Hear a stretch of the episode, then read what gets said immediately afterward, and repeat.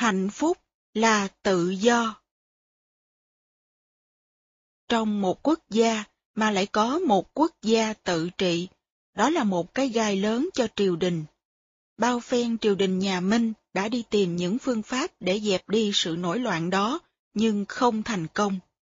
Chính trị gia Hồ Tôn Hiến xuất hiện. Vì tổng đốc có địa vị quan trọng trong triều đình này, được vua nhà Minh giao phó trách nhiệm dẹp trừ cái quốc gia nhỏ bé này. Chấm dứt giai đoạn 5 năm yên ổn của Thúy Kiều. Đây là tai nạn lớn nhất đưa Thúy Kiều đến chỗ tận cùng của đau khổ trong đời cô và dẫn cô đến chỗ phải tự tử. Chỉ khi nào chết rồi thì mới có thể tái sinh được. Cố nhiên, Thúy Kiều tự tử không chết, cô sẽ được cứu. Nhưng trong kiếp người, thế nào chúng ta cũng phải chết một lần, và phải chết thật, thì chúng ta mới có thể sinh ra lại được với sự an lạc. Cái đau khổ cùng cực đem tới sự tái sinh của chúng ta. Mới đau khổ sơ sơ thì chưa nhầm nhò gì, phải đau khổ cho cùng cực. Và khi đụng tới cái đáy của khổ đau, chết đi sống lại, thì mới thấy được niềm an lạc chân thật nảy sinh ra. Ngôn ngữ này rất quen thuộc trong nhà thiền. Nếu không chết, chỉ mới ngất ngư thôi, thì không thể nào tái sinh được. Phải chết trong tâm hồn, trong đau khổ của mình. Luân hồi có chết, thì giải thoát mới sinh ra được. Có quan tổng đốc trọng thần, là Hồ Tôn Hiến Kinh Luân gồm tài, đẩy xe dân chỉ đặt sai, tiện nghi bác tiểu diệt ngoài động nhung. Biết từ là đấng anh hùng, biết nàng cũng dự quân trung luận bàn. Chú thích, kinh luân, lấy từng mối tơ mà gỡ ra, gọi là kinh, so từng sợi tơ cùng một loại mà kết thành con gọi là luân, sửa sang sắp đặt việc chính trị, gọi là kinh luân. Đẩy xe, chữ Hán là thôi cốc. Theo Hán thư, ngày xưa khi một viên tướng dân chỉ vua đi đánh giặc, vua tiễn ra cửa thành và lấy tay đẩy xe của viên tướng, tỏ ý vua ủy thác công việc quan trọng. Dân chỉ, dân theo chiếu chỉ của vua. Đặt sai, phải đi làm nhiệm vụ đặc biệt. Tiện nghi, có quyền quyết định tại chỗ, tùy theo sự nghi mà làm, không cần phải hỏi ý kiến vua. Khách quả sự loại kể chuyện đời Tống, có một vị tiên phủ xứ Hà Bắc, tên là Dân Ngạn Bác xin với vua, cho ông ta có thể tùy tiện giải quyết cấp tốc tại chỗ các vấn đề quân sự, khỏi phải bất cứ việc gì cũng gửi sứ về hỏi ý kiến vua. Vua chấp nhận. Bác tiểu, dẹp giặc, đánh giặc, có bản ghi là phủ tiểu, dẫn dụ cho bên kia quy hàng rồi phong quan chức, phủ, nếu họ không nghe thì mới đánh, tiểu. Đổng Nhung, trông coi, đốc suốt diệt quân. Hết chú thích. Thám tử triều đình làm việc rất giỏi. Họ biết Từ Hải không phải là một tay anh chị cầu muối tầm thường. Từ là một người có nhân cách, chí khí, có tư cách anh hùng. Không thể dùng phương pháp dọa nạt và bạo lực mà có thể thành công. Họ cũng biết Thúy Kiều được tham dự vào những buổi bàn luận bí mật về quân sự và chính trị. Rất khó giải quyết vấn đề nếu ta không biết rõ tình trạng và tâm lý của những người trong cuộc. Hồ Tôn Hiến lập ra trước chiêu an, gửi sứ giả sang kêu gọi từ Hải ra hàng và hứa sẽ phong tước cho chức lớn. Một mặt khác, họ chuẩn bị quà cáp riêng cho Kiều. Đóng quân làm trước chiêu an, ngọc vàng gấm dốc sai quan thuyết hàng, lại riêng một lễ với nàng, hai tên thể nữ ngọc vàng nghìn cân. Theo nguyên lục, ban đầu Hồ Tôn Hiến gửi một viên quan nhỏ, tên là Hoa Nhâm tới để dò hỏi. Từ Hải giận, nói, ta đang có thành thế, tuy không có công mở mang bờ cõi dựng nước, nhưng ai có thể cấm ta xưng dương xưng đế, xưng cô xưng quả? Ngươi muốn ta về hàng để làm con chó con trâu của người khác sao? và tính đem hoa nhâm ra chém. Kiều can, từ nghe lời, tha cho hoa nhâm. Tiếp đó, Hồ Tôn Hiến sai một viên quan lớn hơn, tên La Trung Quân, đem lễ vật rất hậu tới. Trong đó có một trăm ngàn lạng bạc, ba ngàn lạng vàng, gấm dốc, đan ngọc và hai người thể nữ gốc gác từ kinh đô. Những cô thể nữ dùng gian không thể so sánh được với những phụ nữ từ kinh đô. Làm quà riêng cho phu nhân Dương Thị, tức Dương Thúy Kiều. Khi tiếp đón La Trung Quân, Từ Hải không muốn nhận lễ, trái lại muốn đuổi về vì trong lòng ông đã có hiềm nghi. Tin vào gửi trước Trung Quân, từ công riêng hãy mười phân hồ đồ, một tay gây dựng cơ đồ, bấy lâu bể sở sông ngô tung hoành. Bó thân về giới triều đình, hàng thần lơ láo phận mình ra đâu. Áo xiêm ràng buộc lấy nhau, vào luồng ra cuối công hầu mà chi. Sao bằng riêng một biên thùy, sức này đã dễ làm gì được nhau. Chọc trời khuấy nước mặt dầu, dọc ngang nào biết trên đầu có ai. Chú thích, chiêu an là kêu gọi, chiêu dụ giặt hàng để đặt lại an ninh. Hồ đồ, không rõ ràng trong đầu, từ hải còn nghi ngờ lắm, hết chú thích. Nguyên Lục nói, một người đã tự do quen rồi mà bị đưa về câu thúc một chỗ thì rất khó chịu. Không những lúng túng khó chịu mà chức phận cũng không ra gì, nhiều lắm là chức tổng binh. Mất hết cả tự do, nhân cách. Là quan võ thì thế nào cũng bị các quan văn lấn ép, đàn hạch, chỉ trích, kết tội. Sống như vậy thì khổ lắm, nên Từ Hải nhất định không hàng. Từ Hải rất tự tin vào khả năng của mình và rất trân quý cái tự do của một chàng hiệp sĩ. Vua Minh Mạng rất mê truyện Kiều. Một hôm, trong khi tiếp các quan, vua gọi thi sĩ Nguyễn Du, hồi đó đang làm quan dưới triều Nguyễn, nói Khanh giết như vậy là không được, chọc trời quấy nước mặt dầu, dọc ngang nào biết trên đầu có ai. giết một câu như vậy là không có lễ phép gì với trẫm cả. Trên đầu phải có vua chứ. Vì vậy ta phải phạt khanh. Vua bảo quân hầu mang rượu ra và phạt thi sĩ uống ba chén. Ngày xưa người ta phạt bằng rượu. Nhiều người ưa được phạt lắm. Sau khi thi sĩ uống ba chén rượu rồi, vua lại bảo. Nhưng mà hay, phạt thì phạt, nhưng thơ rất hay, vì vậy trẫm phải thưởng cho khanh. Và vua truyền quân hầu mang ba tấm lụa tặng thi sĩ về may áo mặc cho ấm. Giai thoại này được truyền tụng đến ngày nay. Vua Minh Mạng cũng chịu chơi lắm.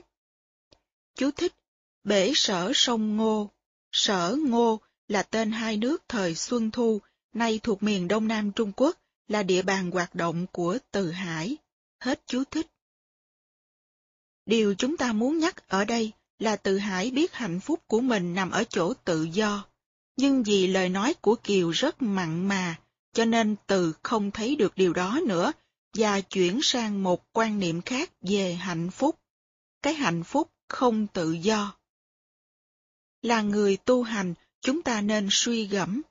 Chúng ta đi xuất gia để có tự do. Hạnh phúc của chúng ta là có tự do.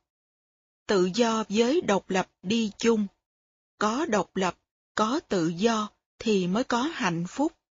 Ta đừng nên quên điều đó. Cạo đầu, mặc áo thầy tu, đi xuất gia, cũng như từ hải, biết rằng hạnh phúc của mình hoàn toàn được căn cứ trên sự tự do của mình. Đôi khi có những tiếng mời gọi, những điều hấp dẫn. Đôi khi thấy tự do lớn quá, ta không sử dụng nổi tự do của ta. Ta nói, thôi, tự do mệt quá, bây giờ tôi chỉ muốn làm nô lệ. Làm nô lệ cho một người, làm nô lệ cho một gia đình. Điều này có thật. Hạt giống của sự nô lệ có mặt trong tất cả mọi người. Trên phương diện trí tuệ, chúng ta biết tự do thanh thang là nền tảng của hạnh phúc. Nhưng đôi khi thấy tự do thanh thang ta mệt quá. Ta muốn làm nô lệ, muốn chui vào hoàn cảnh nô lệ. Trong mỗi chúng ta đều có anh chàng Từ Hải và cô nàng Thúy Kiều. Chúng ta phải cẩn thận. Có bao nhiêu thầy và sư cô trẻ đang có tự do thênh thang của người xuất gia. Nhất bác thiên gia phạn, cô thân dạng lý du. Vậy mà tự nhiên đầu hàng, chui đầu vào chỗ mất tự do. Sau một vài năm thì mới thấy mình đã đi lúng quá sâu trong con đường mất tự do. Lúc đó đã quá trễ rồi. Một đã luân hồi thành bốn, thành năm, thành sáu rồi. Làm sao có tự do được nữa? Trong khi đang còn là người xuất gia, đang có tự do, mà có người không thấy được sự quý báu của tự do, không thấy được hạnh phúc của chính mình.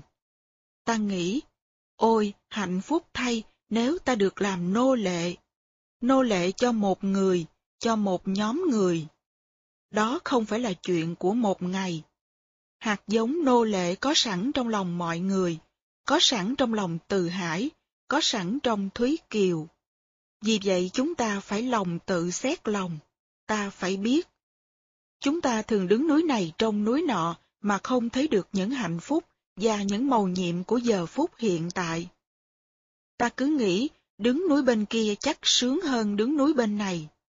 Có một sư cô ra đời, cùng với người kia sản xuất ra bốn trự.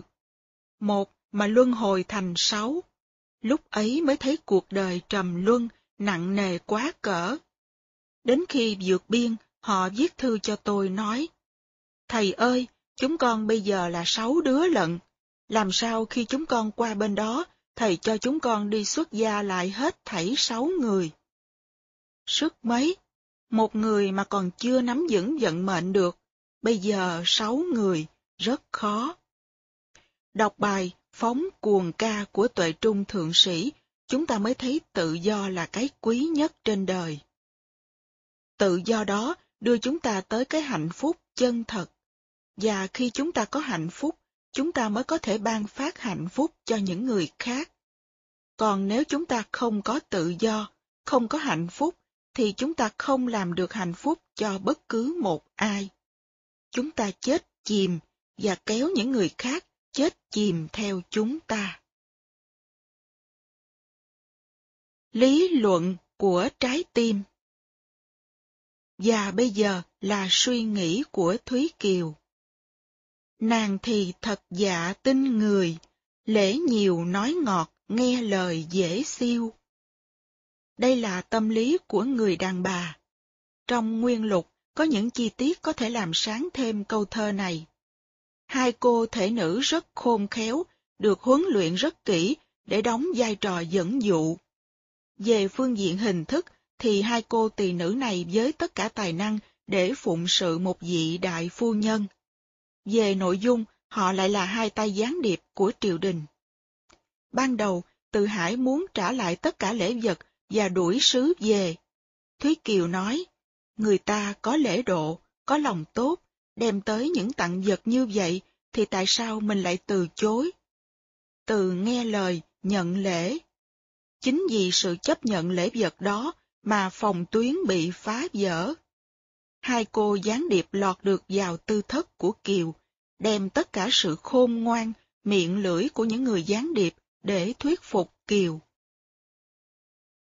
Phu nhân là một người con có hiếu, ai cũng biết thành tích hiếu thảo của phu nhân, bán mình để chuộc cha.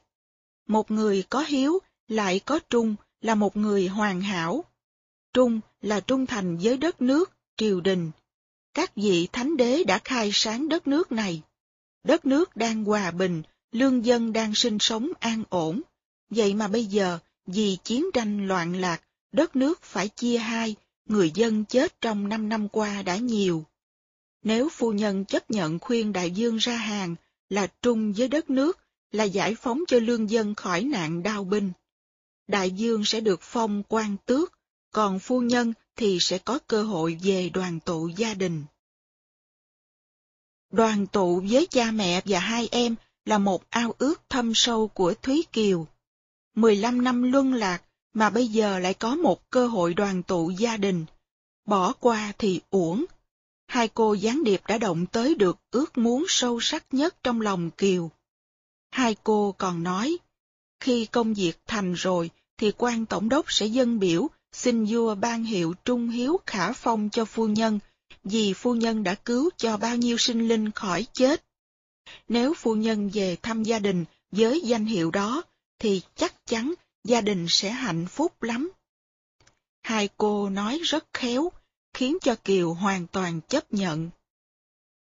Ta nên biết rằng ta vốn có trí tuệ và khả năng xét đoán. Nhưng một khi ta đã để cho cái ước muốn trong lòng ta thắng rồi, thì ta sẽ dùng mọi cách để lý luận theo ước muốn đó. Đôi khi, lý luận rất hay, nghe xuôi tai hợp lý, giống như ta đã tìm ra con đường của trí tuệ rồi, nhưng kỳ thực, tất cả những lý luận đó đều dâng theo một ước muốn sâu sắc ở trong lòng.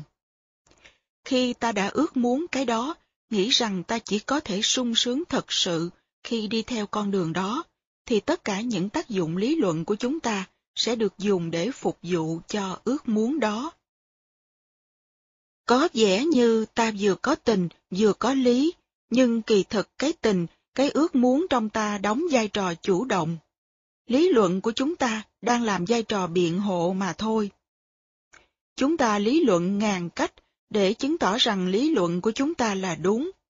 Lý luận đó không còn khách quan nữa. Đây là điều mà hầu hết chúng ta đều mắc phải. Khi tâm ta đã hướng về một hướng nào đó rồi, thì ta quên hết mọi chuyện ở hướng đối diện. Ta đã muốn rồi, thì lý luận đủ cách. Nghĩ rằng mình đã có trí tuệ, kỳ thực mình đã mất trí tuệ.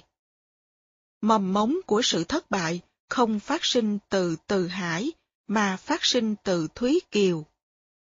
Thúy Kiều rất quan trọng với Từ Hải, hai người là một, cho nên một khi mầm mống ấy đã chiếm cứ được Thúy Kiều rồi, thì nó lan sang chinh phục Từ Hải rất dễ dàng. Cụ Nguyễn Du nói rằng, Kiều thật dạ tin người, bị lễ vật làm tối mắt và những lời nói ngọt chinh phục. Nhưng cụ chưa thấy rằng ước muốn rất chính đáng của Thúy Kiều là được đoàn tụ với gia đình chính là động cơ thúc đẩy Kiều khuyên Từ Hải ra hàng. Trong chúng ta có biết bao nhiêu người xa quê, lưu đày. Chúng ta đều có hạt giống mong ước trở về quê hương, đoàn tụ với cha mẹ, con cái, thấy được mồ mã của tổ tiên. Ai cũng có hạt giống đó. Thúy Kiều ngày xưa cũng vậy. Chúng ta hãy cẩn thận. Trong từ hải có trí tuệ, nhưng cũng có tình cảm. Phần tình cảm đã bị trấn ngự bởi Thúy Kiều. Ta nên biết phần tình cảm nhiều khi mạnh hơn phần trí tuệ rất nhiều. Những suy nghĩ, phản ứng của Từ Hải ban đầu rất rõ ràng minh bạch, nhưng vì ảnh hưởng của Thúy Kiều mà những đám mây đen bắt đầu giăng phủ. Từ Hải bắt đầu không thấy được sự thật một cách rõ ràng và khách quan nữa. Kiều tự dùng những lý luận của trí tuệ để che lấp cái ước muốn sâu sắc của mình.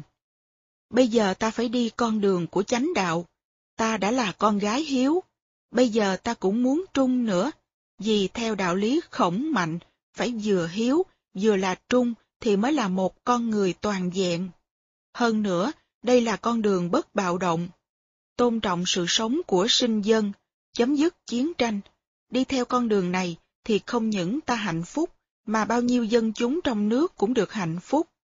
Không còn cảnh nhà tan cửa nát. Lý luận rất đúng, rất hoàn hảo. Nhưng dù sao, đó cũng là lý luận phát sinh từ ước muốn của cô là được đoàn tụ gia đình. Đó không phải là một ước muốn bậy. Chúng ta không lên án ước muốn đó. Chúng ta chỉ muốn nhìn kỹ để thấy rằng tất cả những lý luận coi như tuyệt hảo đó phát xuất từ một ước muốn mà thôi. Ta chỉ cần thấy điều đó, và ta cũng sẽ thấy được những tai họa và hiểm nguy đang chờ ta.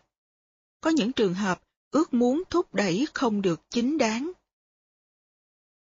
Nếu là người khôn khéo, chúng ta tìm ra những lý luận tuyệt vời, đến các luật sư cũng đều phải bó tay, chấp nhận lý luận của chúng ta, vì đó là lý luận của trái tim. nàng thì thật dạ tin người, lễ nhiều nói ngọt nghe lời dễ siêu, nghĩ mình mặt nước cánh bèo, đã nhiều lưu lạc lại nhiều gian truân, bằng nay chịu tiếng dương thần, thanh thang đường cái thanh dân hẹp gì, công tư vẹn cả hai bề, dần già rồi sẽ liệu về cố hương, cũng ngôi mệnh phụ đường đường, nở nang mày mặt rỡ ràng mẹ cha. Trên vì nước, dưới vì nhà, một là đắc hiếu, hai là đắc trung. Chẳng hơn chiếc bách giữa dòng, e dè sóng dỗ, hải hùng nước xa. Đó là giấc mơ mà Kiều muốn thực hiện. Bây giờ, Kiều đem lý luận ra để chinh phục từ hải. Nhân khi bàn bạc gần xa, thừa cơ nàng mới bàn ra nói vào. Kiều hỏi, đại dương nghĩ sao? Từ Hải nói, không hàng thì có ba điều lợi. Một là muốn hành quân, đánh phá đâu cũng được, không có ai ngăn cản mình. Hai là muốn có thêm ngân quỹ vàng bạc, lụa là gì cũng được dễ dàng. Ba là nếu thắng trận thì mình có khả năng tiến tới, không tiến được thì đóng binh hoặc rút về căn cứ, mình ở trong tư thế chủ động. Đó là ba điều thuận lợi của lập trường không hàng. Nếu hàng thì có năm điều hại. Thứ nhất là nhận sắc phong của vua, làm quan có hơi lỗi lầm một chút là sẽ bị vua trừng phạt. Thứ hai là sẽ bị các quan, nhất là phía quan văn sai khiến, đàn hạch. Thứ ba là mình có thể sẽ bị dời đi nơi khác, bị cô lập hóa. Khi đó, thế mạnh nằm trong tay triều đình, mình có thể bị bắt giết bất cứ lúc nào. Thứ tư là một khi mình không nắm binh quyền trong tay, thì chỉ cần được một vị quan văn sai khiến, bất cứ một tên lực sĩ nào cũng có thể nửa đêm tới gõ cửa nhà là bắt được mình. Thứ năm là dân chúng trong vùng biển này, thế nào cũng có những người khổ vì chiến tranh do mình gây ra. Thừa lúc mình không có thế lực và binh quyền, sẽ tìm cách trả thù, báo oán. Đó là năm điều hại. Từ Hải lý luận khá rõ ràng, nhưng Kiều đã bị ước muốn kia trấn ngự, nên lý luận rất hay, theo nguyên lục. Nếu mình nhận sắc phong của vua mà không tiếp nhận một chức quan, thì làm sao có thể phạm lỗi được? Thứ hai là, nếu nhận chức quan có tính cách chức vị, ngồi chơi xơi nước thôi, không chịu sự sai khiến, thì làm sao đàn hạch, hỏi tội được? Thứ ba là, nếu hàng nhưng ra điều kiện là vẫn được ở chỗ hiểm yếu của mình, không bị dời căn cứ, không phải vào chầu trong triều, thì làm sao lính vua có thể bắt được mình?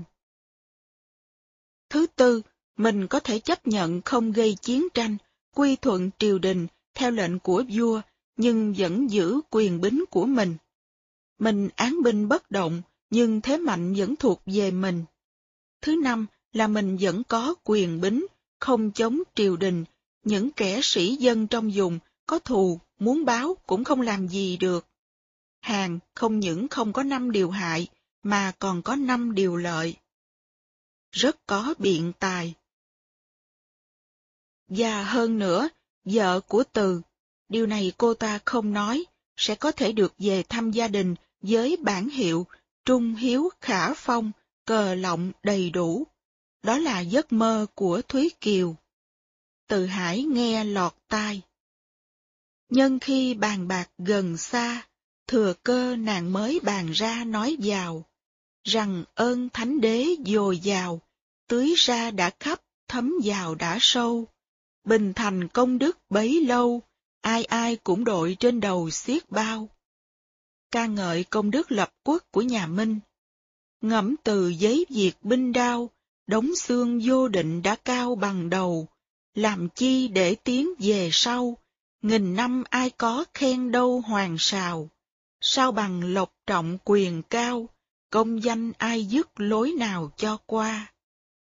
Chú thích, Bình Thành, địa Bình Thiên Thành là chữ sách kinh thư, làm cho thủy thổ được điều hòa, gọi là địa bình, khiến cho ngũ hành, thủy hỏa kim mộc thổ, theo thứ tự mà ổn định, gọi là thiên thành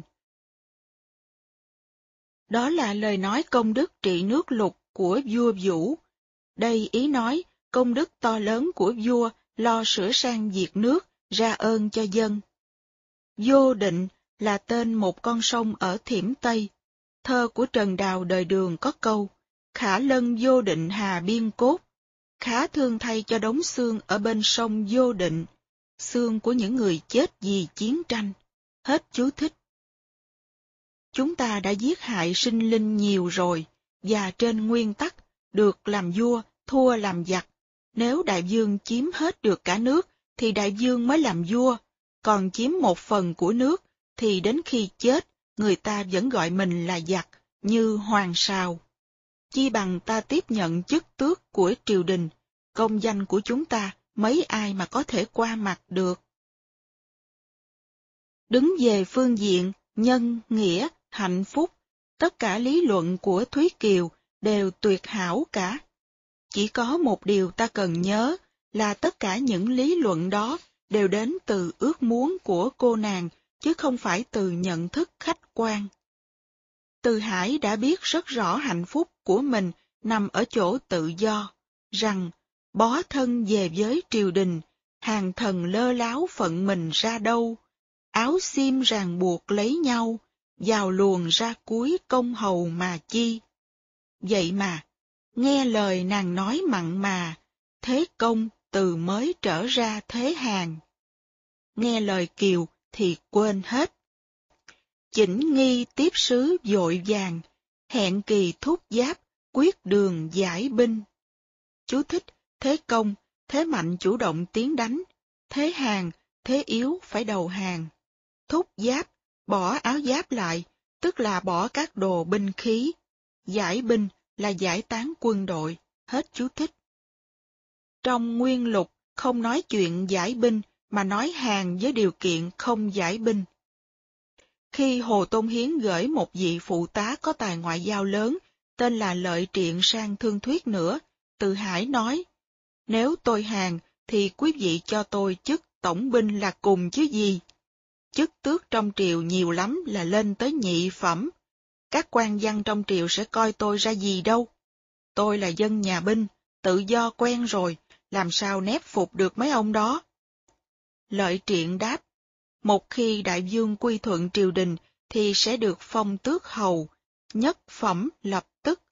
Quyền bính lúc đó ở trong tay, các quan sẽ sợ lắm, ai cũng muốn làm thân với đại dương, chứ họ đâu dám làm gì. Tư Hải nói, trong trường hợp đó thì tôi chịu với ba điều kiện.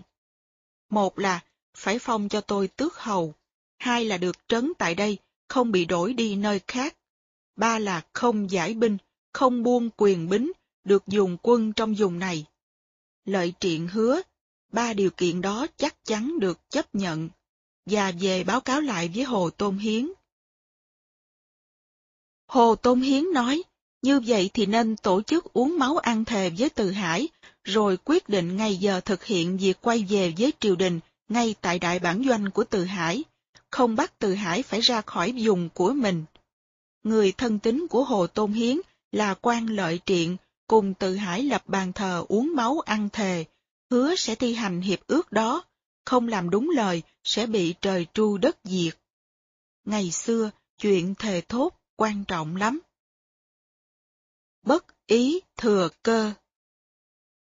Tin lời thành hạ yêu minh, ngọn cờ ngơ ngác trống canh trễ tràn. Chú thích, thành hạ yêu minh là hai bên đến dưới thành, thành hạ để giao hòa ước với nhau. Hết chú thích.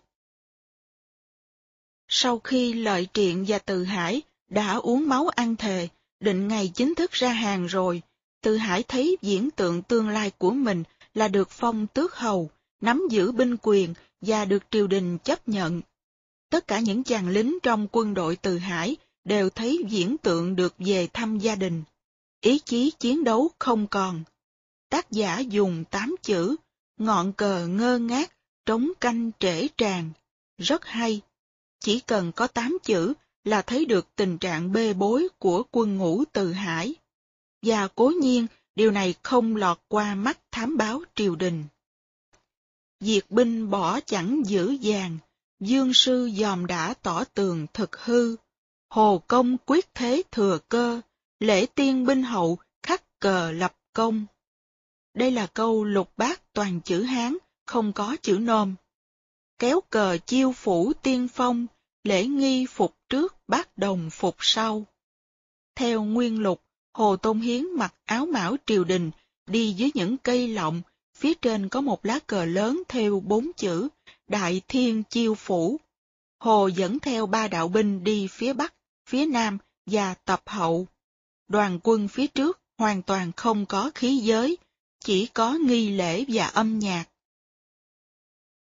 Từ công hờ hững biết đâu, đại quan lễ phục ra đầu cửa viên.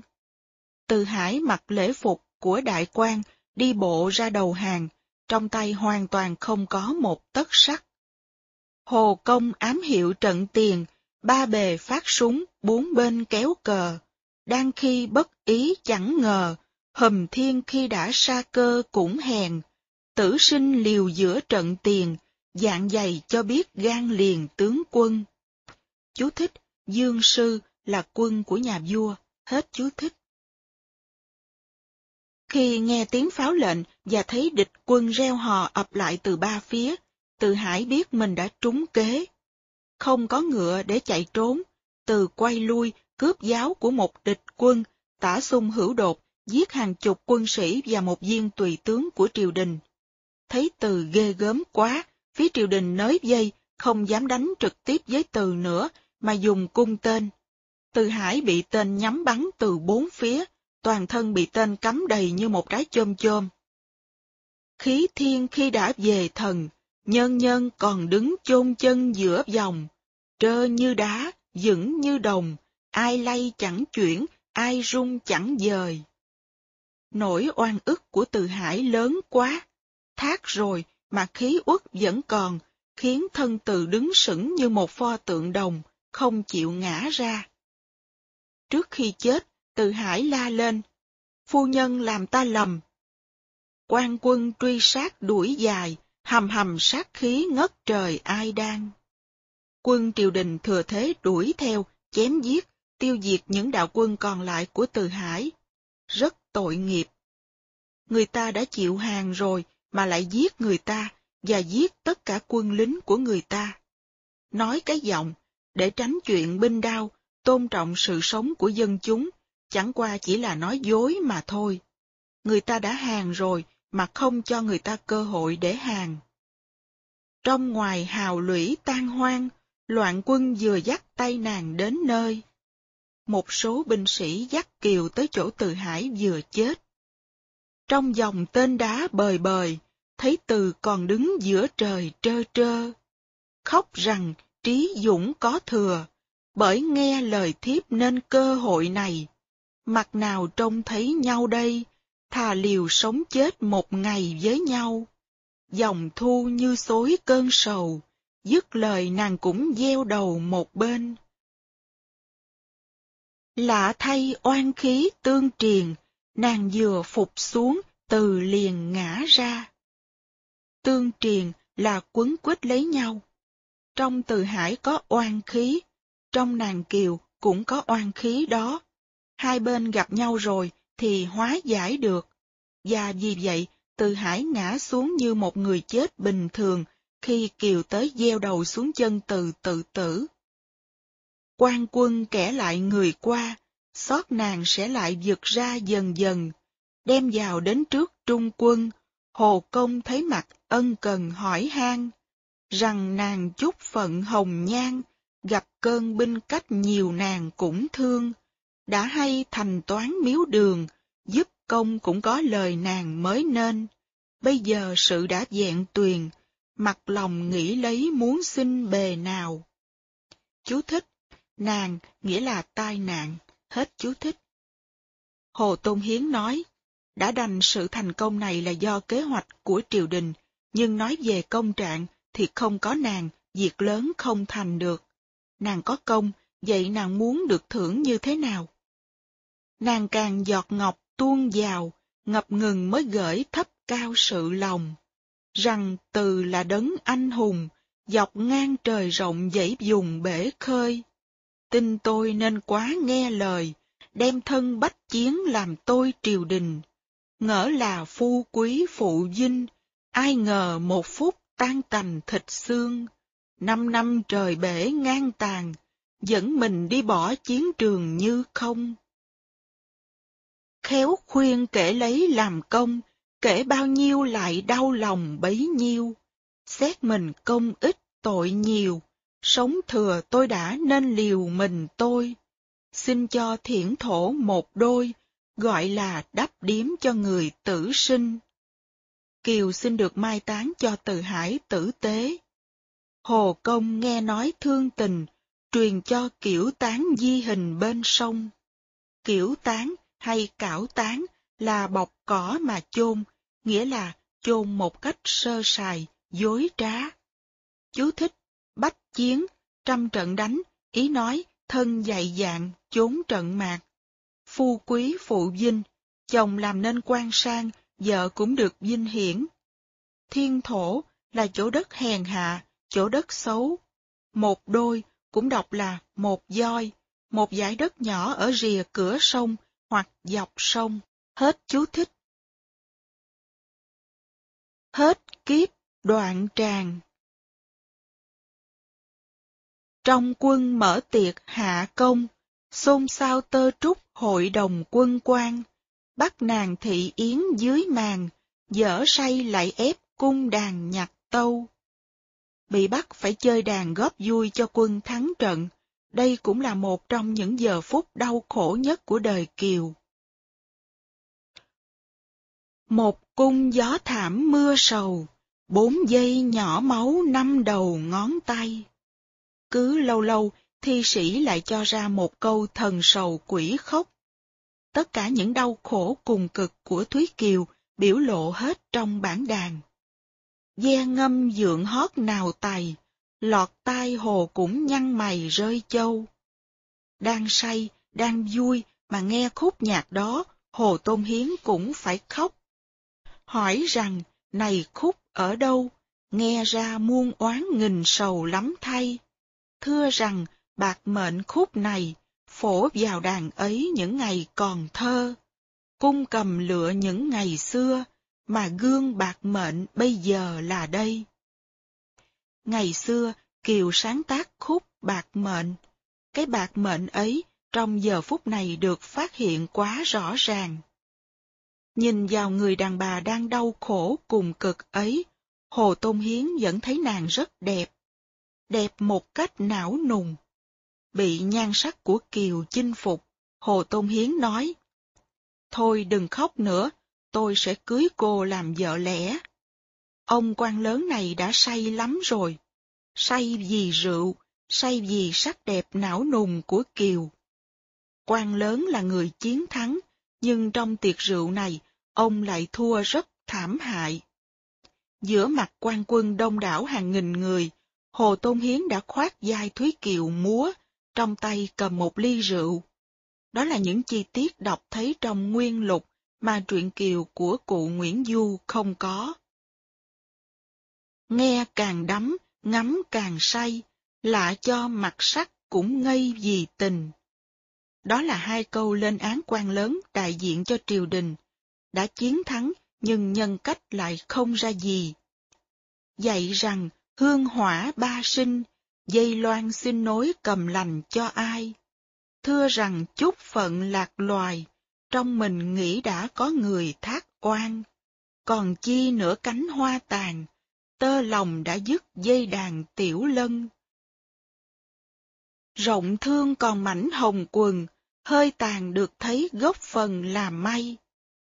Kiều từ chối, bày tỏ sự đau khổ của mình, và chỉ có một thỉnh nguyện duy nhất là được về đoàn tụ với gia đình.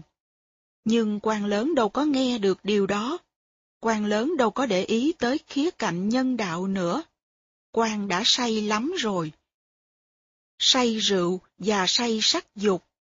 Quan lớn đâu có thể nghe được tiếng kêu cứu của Thúy Kiều và ước vọng duy nhất còn lại của Kiều là được trở về với cha mẹ. Hạ công chén đã quá say, Hồ Công đến lúc rạng ngày nhớ ra, nghĩ mình phương diện quốc gia, quan trên nhắm xuống người ta trông vào. Phải tuồn trăng gió hay sao? Sự này biết tính thế nào được đây? Chú thích Tiểu Lân, họ Phùng, hiệu tục mệnh, vợ vua nước Tề. Sau khi nước Tề thua nước Chu, Tiểu Lân bị bắt về Chu. Chu vũ đế gả nàng cho người khác. Nhân lúc ngồi đàn, dây đàn đức, nàng xúc cảm làm thơ có câu. Dục tri tâm đoạn tuyệt, ưng kháng tất thượng huyền. Muốn biết lòng tôi đứt nát như thế nào, thì nhìn dây đàn trên đầu gối này. Hồng quần, người đàn bà, ngày xưa mặc quần đỏ. Gốc phần, chỉ quê nhà. Hết chú thích. Sáng tỉnh dậy, nhớ lại những chuyện xảy ra tối hôm trước, những chuyện mà nhìn vào, người ta đã có thể đánh giá mình rất thấp. Hồ Tôn Hiến biết mình đã đi quá mức của một vị quan lớn đại diện cho triều đình. Sợ bị khiển trách và chê cười, Hồ đi tới một giải pháp rất mãnh liệt và chớp nhoáng. Công nha vừa buổi rạng ngày, quyết tình Hồ mới đoán ngay một bài. Lệnh quan ai dám cãi lời, tình mới gán cho người thổ quan. Ép gả Thúy Kiều cho một viên quan địa phương. Từ thổ quan thường dùng để chỉ cho các quan người địa phương cai trị những vùng dân tộc ít người.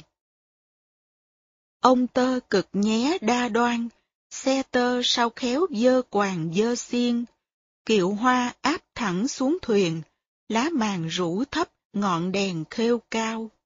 Nàng càng ủ liễu phai đào, trăm phần nào có phần nào phần tươi.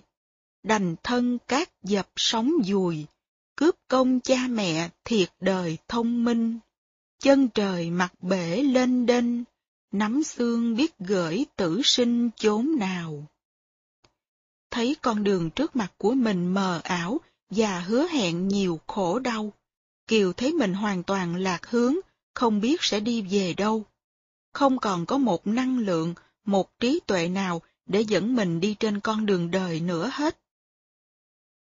Duyên đâu ai dứt tơ đào, nợ đâu ai đã dắt vào tận tay.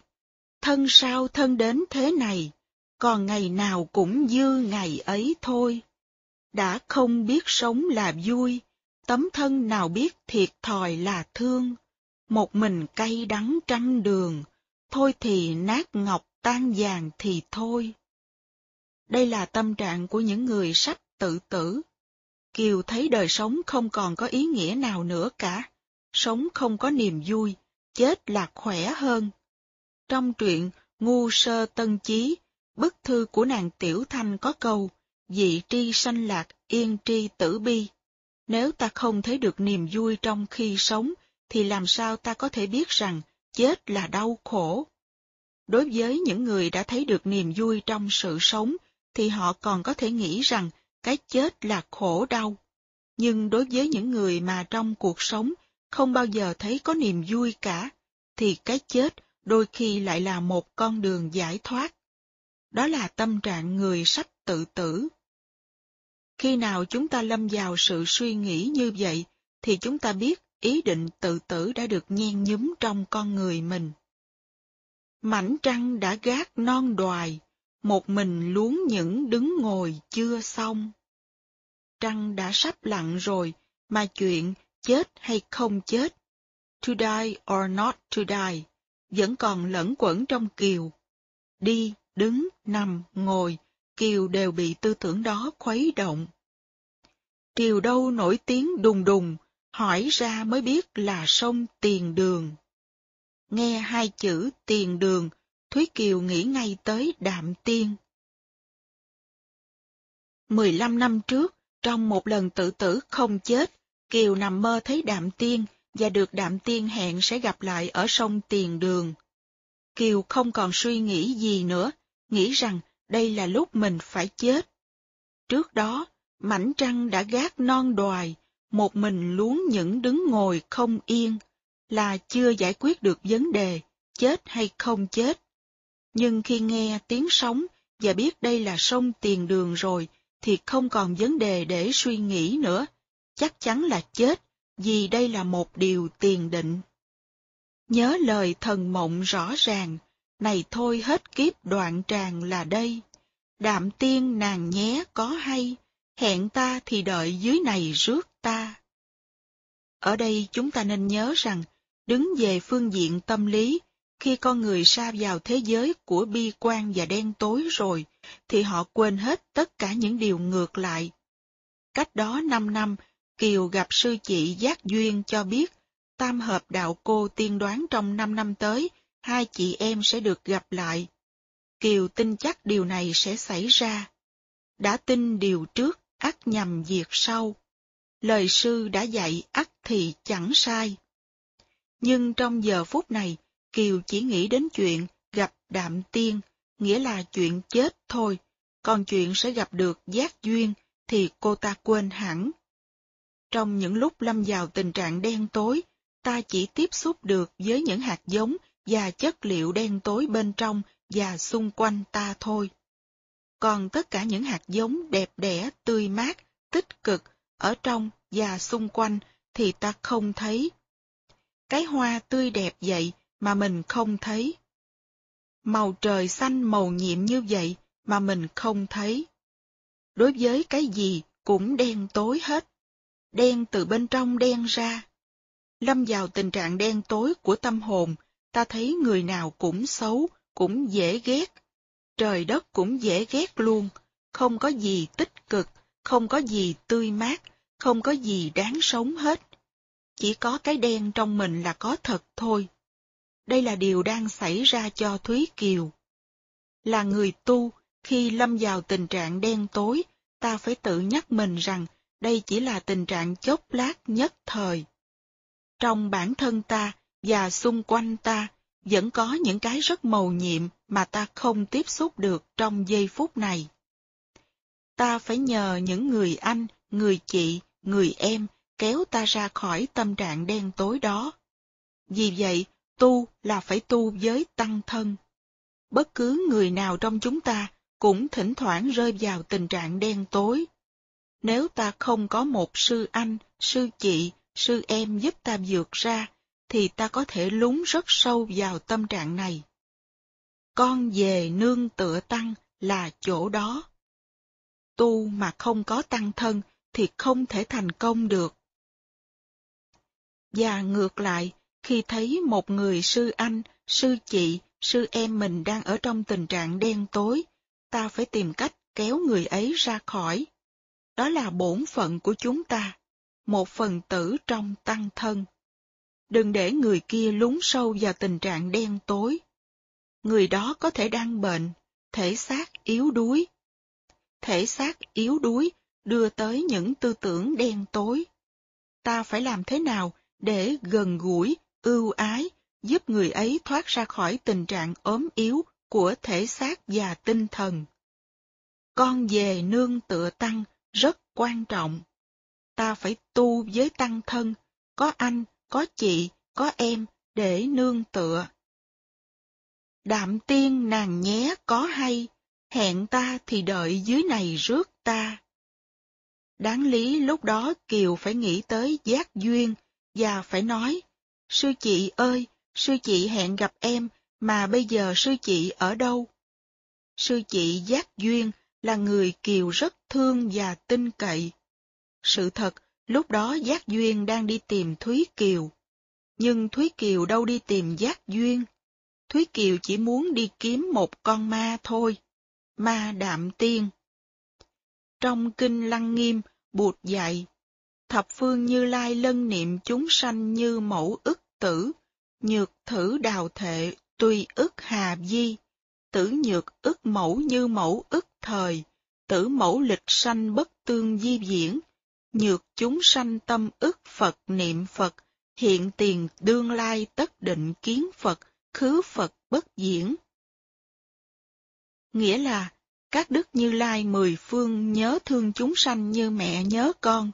Nếu con bỏ mẹ chạy trốn, thì mẹ có nhớ cũng không đi đến đâu.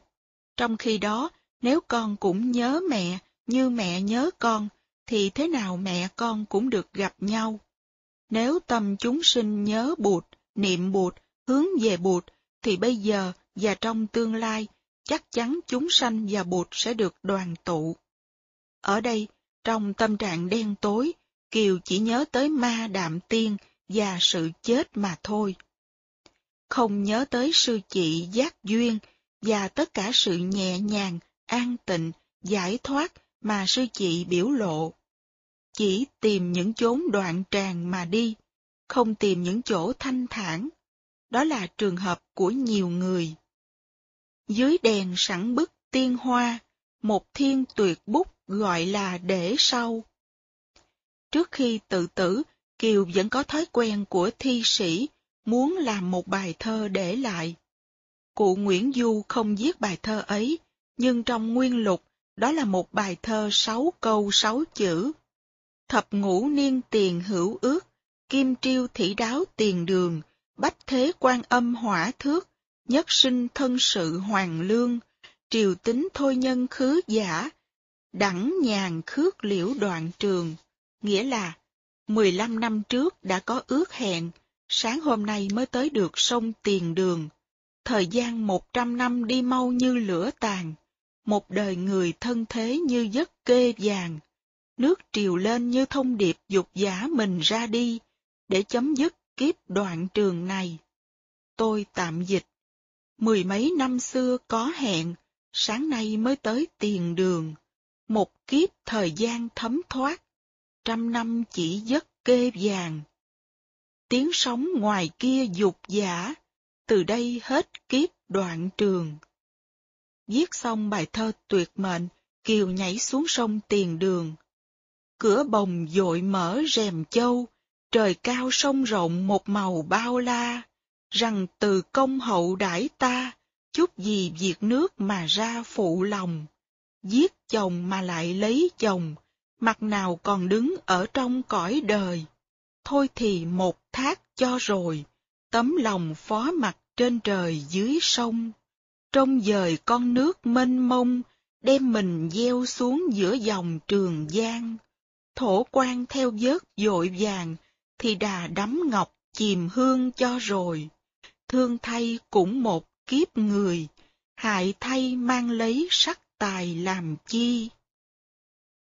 Chú thích, cửa bồng là cửa thuyền, bồng là thuyền nang to, hết chú thích.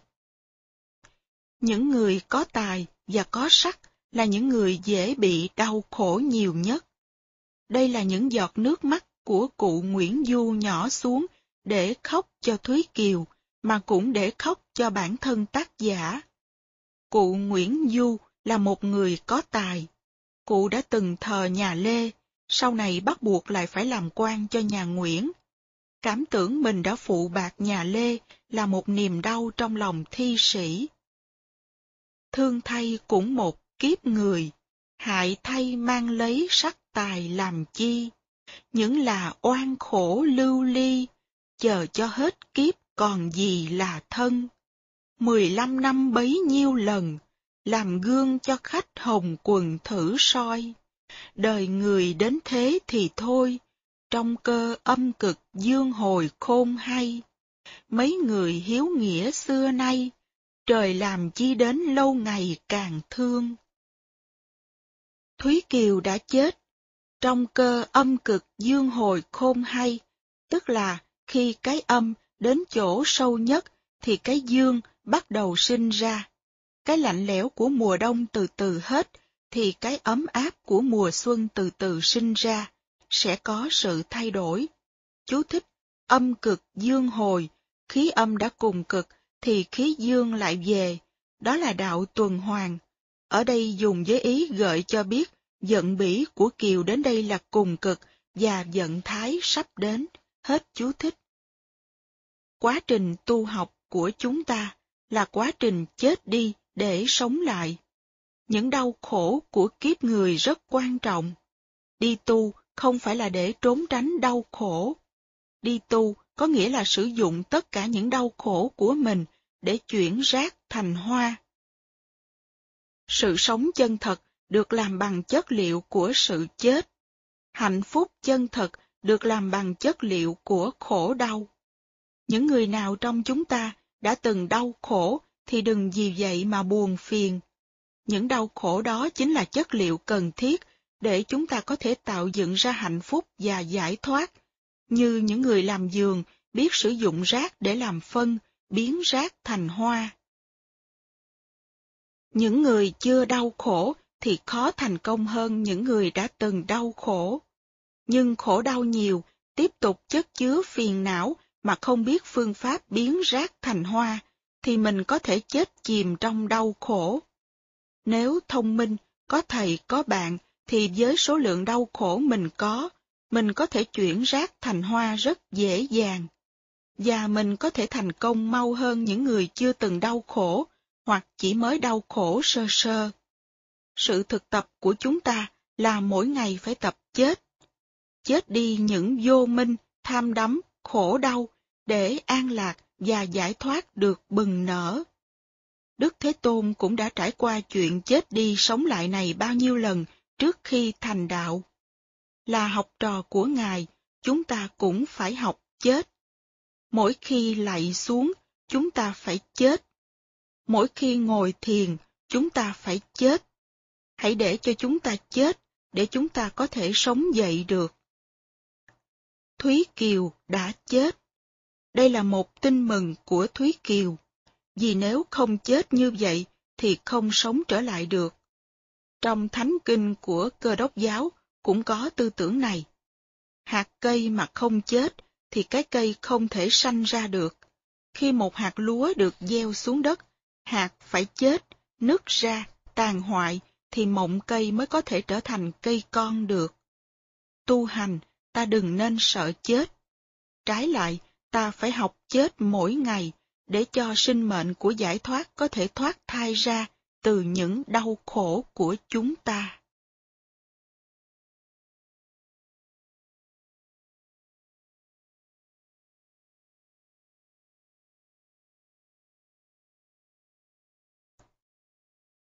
Ở cho yên, ngồi cho vững. Bây giờ, chúng ta hãy đi theo sư chị Giác Duyên. Giác Duyên từ tiết giả nàng, đeo bầu quẩy nếp rộng đường dân du. Bầu là bầu cam lộ, nếp là cái túi để đựng kinh kim cương. Hành lý của người tu chỉ có một bình đựng cam lộ và một túi đựng kinh kim cương thôi. Dân du là dân thủy. Người tu là phải có tự do. Tìm về chỗ có mây nước, giải thoát và an lạc mà tới. Không chui đầu vào làm nô lệ.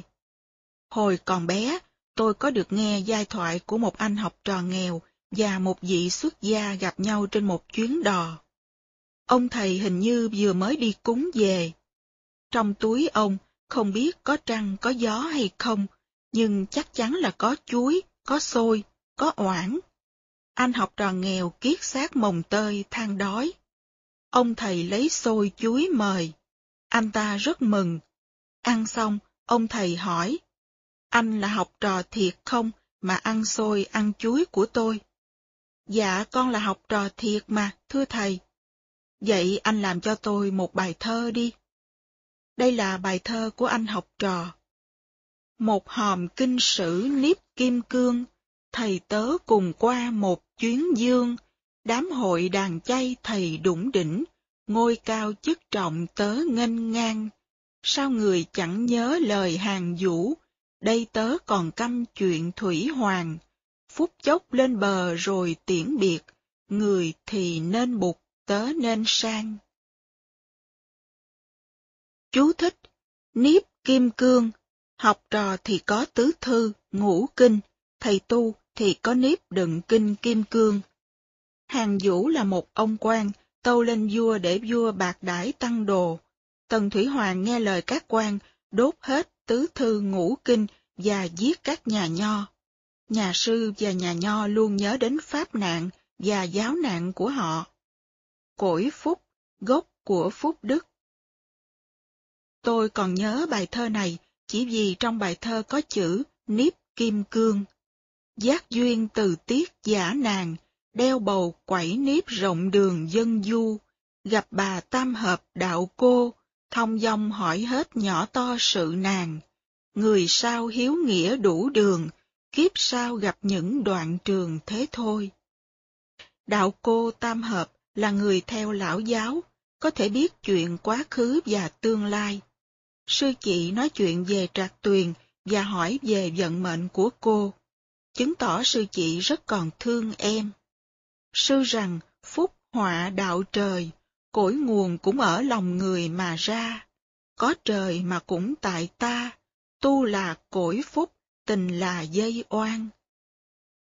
Cội nguồn cũng ở lòng người mà ra, là tư tưởng của Kinh Hoa Nghiêm, nhất thiết duy tâm tạo. Trời là cộng nghiệp, ta là biệt nghiệp. Chúng ta bị ảnh hưởng của cộng nghiệp, nhưng chúng ta cũng chịu trách nhiệm với tư cách cá nhân. Nếu biết tu tập thì ta tạo ra phước đức, còn bị ràng buộc vào trong tình cảm thì ta tạo ra những oan nghiệp cho mình và cho người khác. Đó là lời thốt ra từ miệng một đạo cô. Và bây giờ, nhà đạo học đưa ra một sự phân tích về bản án của cuộc đời Thúy Kiều. Thúy Kiều sắc sảo khôn ngoan, vô duyên là phận hồng nhan đã đành, lại mang lấy một chữ tình, khư khư mình buộc lấy mình vào trong. Vậy nên những chốn thông dong, ở không yên ổn, ngồi không vững vàng. Ma đưa lối quỷ dẫn đàn, lại tìm những chốn đoạn tràng mà đi. Thúy Kiều có sắc đẹp và thông minh, nhưng lại thiếu những nhân tốt của đời trước. Vô duyên là không có cơ duyên may mắn. Trong quá khứ đã không gieo trồng những hạt giống tốt. Người ta thành công được không phải do tài năng của mình mà do sự may mắn. Sự may mắn không phải ngẫu nhiên mà đến. May mắn có nghĩa là những nhân duyên do mình hoặc cha mẹ ông bà mình đã gieo trồng trong quá khứ. Nếu chúng ta đã có duyên lành rồi, tức là chúng ta may mắn hơn Thúy Kiều. Nếu chỉ vô duyên thôi thì không đến nỗi gì. Thúy Kiều đã vô duyên mà lại còn thêm cái tội đa tình nữa. Lại mang lấy một chữ tình, khăng khăng mình buộc lấy mình vào trong. Mình tự buộc, chứ có ai buộc mình đâu. Xin cho tôi làm nô lệ, tôi phát nguyện được làm nô lệ cho người suốt đời, đời này sang đời khác. Tự do không muốn, chỉ muốn làm nô lệ. Không ai buộc được mình hết, chỉ có một người có thể buộc được mình thôi, đó là chính mình. Hai nguyên do tạo nên bi kịch của Thúy Kiều. Thứ nhất, không có những hạt giống phước đức của kiếp trước. Thứ hai, mình tự cột mình vào trong dòng tình ái. Hai cái đó sẽ đưa Kiều tới đâu? Vậy nên những chốn thông dong, ở không yên ổn, ngồi không vững vàng. Dù có cơ hội đi vào những chốn tự do và thông dong, thì Kiều cũng không ở yên, ngồi không vững. Vậy nên những chốn thông dong có nghĩa là Kiều đã có cơ hội đi vào những chốn thông dong. Chốn thông dong là chốn nào? Chốn thông dong là chốn có những người có thể bước những bước chân thảnh thơi, ngồi uống trà, ăn cơm có hạnh phúc, có thể ngồi yên từ giờ này sang giờ khác mà không cần phải bôn ba chạy đi đâu hết. Đã có duyên đi tới những chốn thông dong đó, nhưng vẫn không thông dong được. Vẫn đi thì như chó đạp phải lửa, vẫn ngồi như ngồi trên than hồng, không tiếp xúc được với sự thông dong ở trong lòng mình và xung quanh mình. Cứ nhìn làng mai là chúng ta biết. Ở làng mai có những người an trú được. Họ ngồi yên được, uống trà được, nhìn mây, nhìn trời được. Họ nhận đó là quê hương của họ. Mỗi giờ phút họ có thể an lạc và hạnh phúc. Nhưng có những người khác không làm được như vậy. Không có khả năng ngồi, không có khả năng đi. Thấy chỗ này chưa phải là chỗ của mình. Chỗ của mình là chỗ khác. Chỗ nào? Chỗ đoạn trường. Những lời của đạo cô tam hợp hay lắm. Ở tức là trú, dwelling. Ở không yên ổn. Tứ là không an trú. Ngồi trên xe lửa cũng không yên, ngồi trong thiền đường cũng không yên, ngồi trên bãi cỏ cũng không yên, ngồi ở cốc ngồi yên cũng không yên. Không có chỗ nào mà ngồi yên được. Ngồi trên thang hồng thì làm sao mà vững vàng được. Chúng ta học, ngồi đây ngồi cội bồ đề, dưỡng thân chánh niệm không hề lãng sao. Sự thực tập của chúng ta là ở cho yên và ngồi cho yên. Chỉ có chừng đó thôi. Chúng ta học kinh hoa nghiêm, giới luật, thở, thiền hành là cốt để đi tới một cái đó. Ngồi cho yên, ở cho yên và có hạnh phúc. Vì bất an nên chúng ta rong rủi. Rong rủi về quá khứ, rong rủi về tương lai. Điều này không cần phải ai nói, chúng ta chỉ cần nhìn lại tâm chúng ta để thấy. Chúng ta có ngồi yên không?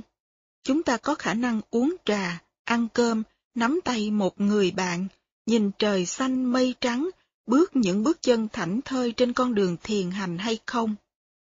Chúng ta có chất liệu bất an của Thúy Kiều không? Nhiều hay ít, chúng ta đều có chất liệu ấy của Thúy Kiều. Tu tức là chuyển hóa chất liệu đó để có thể ở cho an ổn, ngồi cho vững vàng. Vậy nên những chốn thông dong, ở không an ổn, ngồi không vững vàng, là câu thơ đã tả rõ được tâm trạng của nhiều người. Không có hạnh phúc vì không an trú được trong giây phút hiện tại, bây giờ và ở đây. Đi đâu cũng bất an, về Việt Nam cũng bất an, qua Mỹ cũng bất an, về làng Mai cũng bất an. Nếu tâm ta an, thì chỗ nào cũng là chỗ thông dong, chỗ nào cũng là tịnh độ, chỗ nào cũng là an lạc cả. Tâm không an trú, không có khả năng ngồi ở thiền đường hay tịnh độ, thì phải đứng dậy để đi. Đi đâu? Đi vào những thế giới của đoạn tràng. Đoạn tràng là đứt ruột, đau khổ, ngũ thú, lục đạo. Ai dắt chúng ta vào những con đường u mê, những chốn đoạn tràng đó? Ma đưa lối, quỷ dẫn đàn. Ma quỷ này là những tâm hành tham, sân, si, mạng nghi, tà kiến. La Hán có nghĩa là người phá ma. Ma ở đâu? Ở trong tâm chúng ta. Chính vì chúng ta không thể ăn trú được, nên những con ma trong tâm xuất hiện, xui bảo chúng ta. Mình ở chỗ này không được, phải đi chỗ khác. Hoàn cảnh này không cho mình an lạc, phải đi tìm hoàn cảnh khác. Càng suy nghĩ, càng bấn loạn trong tâm, và tâm hành bất an xuôi hai chân ta phải chạy. Đó là những con ma đưa chúng ta vào những hoàn cảnh đen tối, đoạn tràng. Ta hãy đọc lại những câu này và phản chiếu lại nội tâm của mình. Thúy Kiều sắc sảo khôn ngoan, vô duyên là phận hồng nhan đã đành, lại mang lấy một chữ tình, khư khư mình buộc lấy mình vào trong. Vậy nên những chốn thông dong, ở không yên ổn, ngồi không vững vàng. Ma đưa lối, quỷ dẫn đàn, lại tìm những chốn đoạn tràng mà đi. Dễ sợ, những câu thơ như lột hết tâm can mình ra, chỉ cho mình thấy bản chất luân hồi, khổ đau và địa ngục nằm ngay trong chính con người mình. Hết nạn ấy đến nạn kia, thanh lâu hai đợt, thanh y hai lần, trong dòng giáo dựng gươm trần, kề răng hầm sói gửi thân tôi đòi, giữa dòng nước dãy sóng dồi, trước hàm rồng cá gieo mồi vắng tanh. Chú thích, câu này lấy ý thơ đổ phủ. Ngư long tịch mịch thu gian lãnh, vắng thanh thị, rồng cá lặng lẽ sông thu lạnh, cho nên vắng tanh là đúng.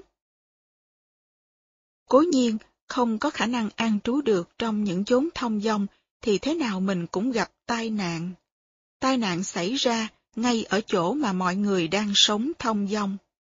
Trong chỗ thông dong đó, người khác sống thông dong, nhưng mình đâu có thông dong. Đạo cô tóm tắt cuộc đời đau khổ của Thúy Kiều, chung cục phải tự tử dưới sông trong cô đơn, im lặng, vắng tanh. Những đau khổ của mình, mình không thể nói cho ai nghe được. Oan kia theo mãi với tình, còn tình tức là còn oan. Một mình mình biết, một mình mình hay. Có tám chữ mà hay đến nước như vậy. Tất cả những khổ đau của mình không ai có thể hiểu được, chỉ có mình mới thấm thía được mà thôi. Vì người khác không ở trong da thịt mình thì làm sao hiểu được. Làm cho sống đọa thác đầy, đoạn trường cho hết kiếp này mới thôi. Sống thì rơi xuống, đọa, chết cũng là bị đầy. Làm cho sống đọa thác đầy là vì hai điều đã nói, vô duyên với Phật Pháp, với sự an lạc và lại tự mình buộc lấy mình trong con đường của tình ái. Thả một bè lau Nghe đến đây thì sư chị hoảng. Giác duyên nghe nói rụng rời, một đời nàng nhé thương ôi còn gì. Nhưng đạo cô không nói một đời, chỉ nói kiếp sống từ khi Thúy Kiều sinh ra cho đến khi Kiều chạm vào đáy khổ đau. Hitting the bottom, phải tự tử ở sông tiền đường thôi. Sư rằng sông chẳng hề chi, nghiệp duyên cân lại nhắc đi còn nhiều. Xét trong tội nghiệp Thúy Kiều, mắc điều tình ái, khỏi điều tà dâm. Lấy tình thâm trả nghĩa thâm, bán mình đã động hiếu tâm đến trời. Tuy bị ràng buộc trong dòng tình ái, nhưng Kiều không phạm tội tà dâm. Đây là nói tới đêm đầu tiên Thúy Kiều được gần Kim Trọng. Hai người rất mê nhau, nhưng Thúy Kiều nhất định không phạm giới thứ ba. Chính nhờ Thúy Kiều mà Kim Trọng không bị phạm giới tà dâm. Giữ gìn cho tôi và giữ gìn cho anh, để cho ngày hôm nay còn tươi sáng, và để ngày mai chúng ta vẫn sẽ còn có nhau. Đó là một vài câu trong bài hát Hộ trì sáu căn. Trong suốt 15 năm lưu lạc, Thúy Kiều nhớ mãi hình ảnh đêm đó. Đó là một sự nâng đỡ rất lớn cho Thúy Kiều trong những lúc đau khổ. Nếu hai người phạm giới thứ ba trong đêm hôm đó, thì Thúy Kiều đã mất một hình ảnh rất đẹp, không thể đem theo trong suốt 15 năm để chống đỡ với những đau khổ. Hành động bán mình chuột cha của Kiều cũng là một hành động chuyển nghiệp rất tốt. Hại một người, cứu muôn người, biết đường khinh trọng, biết lời phải chăng. Hai câu này nói đến chuyện từ hải chết và cứu được muôn dân khỏi nạn đau binh. Chỗ này gượng ép, vì Kiều đâu có muốn hại từ hải. Thửa công đức ấy ai bằng, Túc Khiên đã rửa lân lân sạch rồi, khi nên trời cũng chiều người, nhẹ nhàng nợ trước, đền bồi duyên sau. Giác duyên dù nhớ nghĩa nhau, tiền đường thả một bè lau rước người, trước sau cho vẹn một lời, duyên ta mà cũng phúc trời chi không. Chú thích, Túc Khiên là nợ nần trong quá khứ. Đạo cô khuyên ni sư Giác Duyên làm một chiếc bè lau để đợi vớt kiều ở sông Tiền Đường. Trong thời gian 1965-1966, đất nước Việt Nam đau khổ cùng cực vì chiến tranh. Tôi có đăng đoạn kiều này trong tờ báo Giữ thơm quê mẹ mà tôi đang chủ trương lúc đó, lấy tên là Thả một bè lau. Thân phận Việt Nam chua xót, đau khổ giống hệt thân phận Thúy Kiều. Khi thì phải đi với Pháp, khi thì đi với Nhật, với Mỹ, như một cô gái giang hồ. Đau khổ cùng cực. Từ tấm thân làm nô lệ đến tấm thân đi vào chiến tranh, không có gì khác nàng Kiều hết. Thanh lâu hai lượt, thanh y hai lần. Thanh y là bị làm đầy tớ, nô lệ cho một nước ngoài. Thanh lâu là làm một cô gái giang hồ. Mối tình với những chủ thuyết Đại Đông Á, tư bản là mình buộc lấy mình. Tự nhiên khi không mà tự buộc mình trong những chủ thuyết như vậy để khổ. Dương dấn vào những mối tình như vậy thì chỉ làm lớn thêm khổ đau. Chiến tranh là do đâu? Do chỗ mình quấn vào những hoàn cảnh đó đi đôi với những thế lực ngoại quốc đó. Mời quý vị đọc lại mà xem. Thúy Kiều sắc sảo khôn ngoan, vô duyên là phận hồng nhan đã đành, lại mang lấy một chữ tình, khư khư mình buộc lấy mình vào trong. Vậy nên những chốn thông dong, ở không yên ổn, ngồi không vững vàng, ma đưa lối, quỷ dẫn đàn, lại tìm những chốn đoạn tràng mà đi. Hết nạn ấy đến nạn kia, thanh lâu hai lượt, thanh y hai lần. Trong dòng giáo dựng gươm trần, kề răng hùm sói gửi thân tôi đòi. Giữa dòng nước đẩy sóng dồi, trước hàm rồng cá gieo mồi vắng tanh. Oan kia theo mãi với tình, một mình mình biết, một mình mình hay, làm cho sống đọa thác đầy, đoạn trường cho hết kiếp này mới thôi. Đó không phải là số phận của riêng nàng Kiều, đó là số phận của nước Việt Nam. Con đường thoát là con đường nào? Là phải tu, không tu thì không thoát ra được. Phải nghe lời tam hợp đạo cô, thả một bè lau. Cái bè lau cứu được số mạng nước Việt Nam là sự tu học. Nếu không tu thì không thể đưa đất nước ra khỏi tình trạng của Thúy Kiều. Hồi đó tôi đã thấy được rất rõ rằng chỉ có sự tu học theo con đường của chánh pháp mới có thể cứu được đất nước ra khỏi tình trạng khổ đau. Và tôi đã đăng đoạn thơ này lên báo Giữ thơm quê mẹ với tên là Thả một bè lau. Tất cả công việc chúng tôi làm trong thời gian đó là kêu gọi mọi người thương nhau, chấp nhận lẫn nhau, đi theo con đường của từ bi, xóa bỏ hận thù. Nhưng tiếng súng đã ác tiếng thuyết pháp. Biết bao nhiêu người đi trên con đường của từ bi xóa bỏ hận thù đã bị giam cầm, tra tấn và áp bức. Nếu quý vị thấy được tình trạng của đất nước và dân tộc và thấy được rằng chỉ có con đường tu học, từ bi, hóa giải hận thù mới đưa đất nước ra khỏi giai đoạn đau khổ hiện nay, thì quý vị biết mình phải làm gì và không nên làm gì. Công việc của chúng ta là thả một bè lau, đưa thuyền tự của đạo bụt ra để tế độ đất nước. Phải tu mới được, không có con đường nào khác. Tu với bản thân mình, thành lập tăng thân, đem đạo lý từ bi như một chiếc bè để cứu Việt Nam ra khỏi giai đoạn đen tối mấy chục năm. Gió trăng mát mặt, muối dưa chay lòng. Giác duyên nghe nói mừng lòng, lân la tìm thú bên sông tiền đường, đánh tranh chụm nóc thảo đường, một gian nước biếc mây vàng chia đôi. Chú thích, thú là chỗ ở, nơi tới. Sư chị thương sư em lắm, cho nên đã tìm tới bên sông Tiền Đường, lập một am tranh và ở lại đó để chờ Thúy Kiều. Có ai thương sư em bằng sư chị đâu. Chỗ sư chị ở, tuy nhỏ nhưng rất đẹp. Một gian nước biếc mây vàng chia đôi. Thuê năm ngư phủ hai người, đóng thuyền trực bến kết dài văn sông. Biết Thúy Kiều sẽ tự tử ở đây, nên sư chị thuê hai người ngư dân chăn lưới chực sẵn. Tiền đâu mà thuê? Có lẽ là vàng ngày xưa Thúy Kiều đã cho sư chị. Hai người ngư dân trọn năm không đánh cá nữa, chỉ đánh người thôi. Thấy cá thì phải theo lời sư chị, bỏ ra ngoài.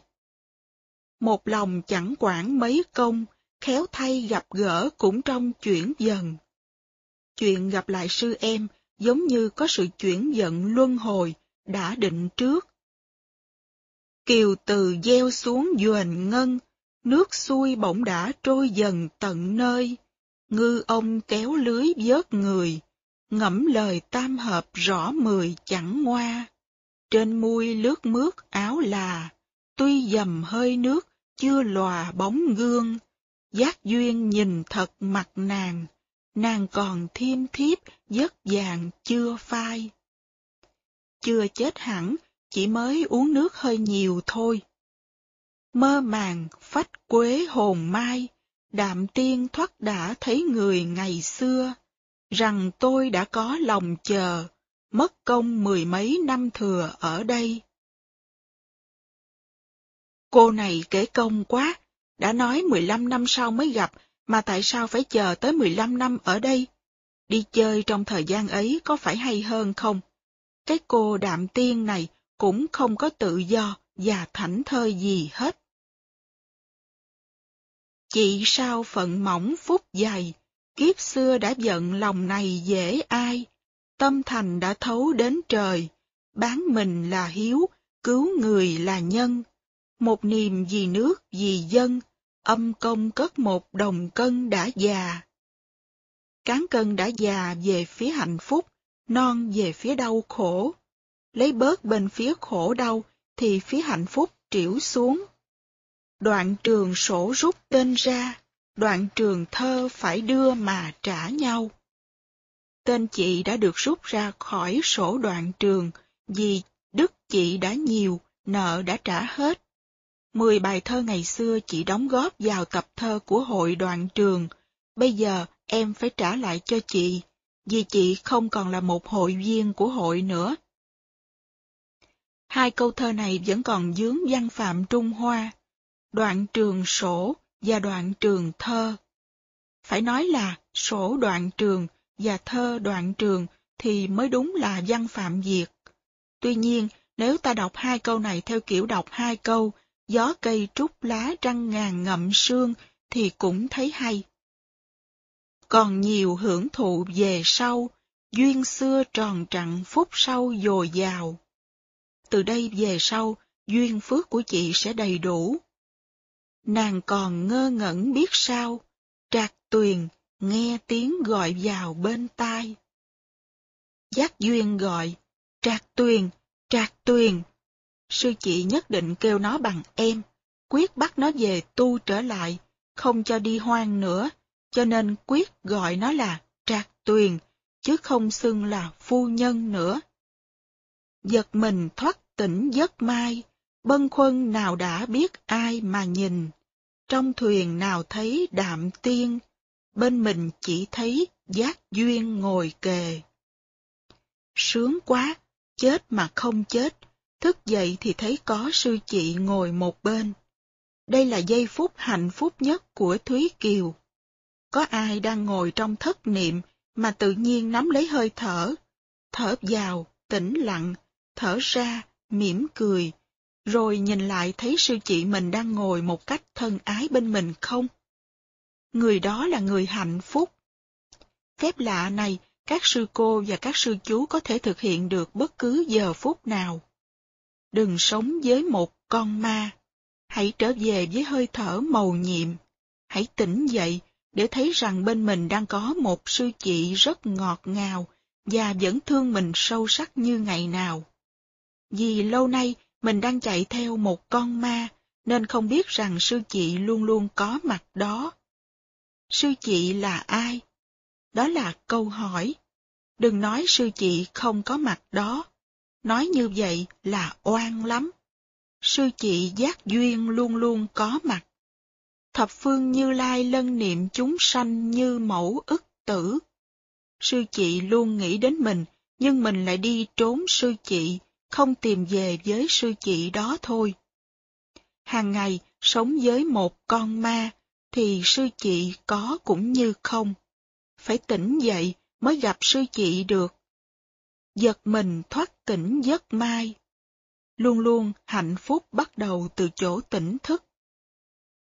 Thấy nhau mừng rỡ trăm bề, dọn thuyền mới rước nàng về thảo lư.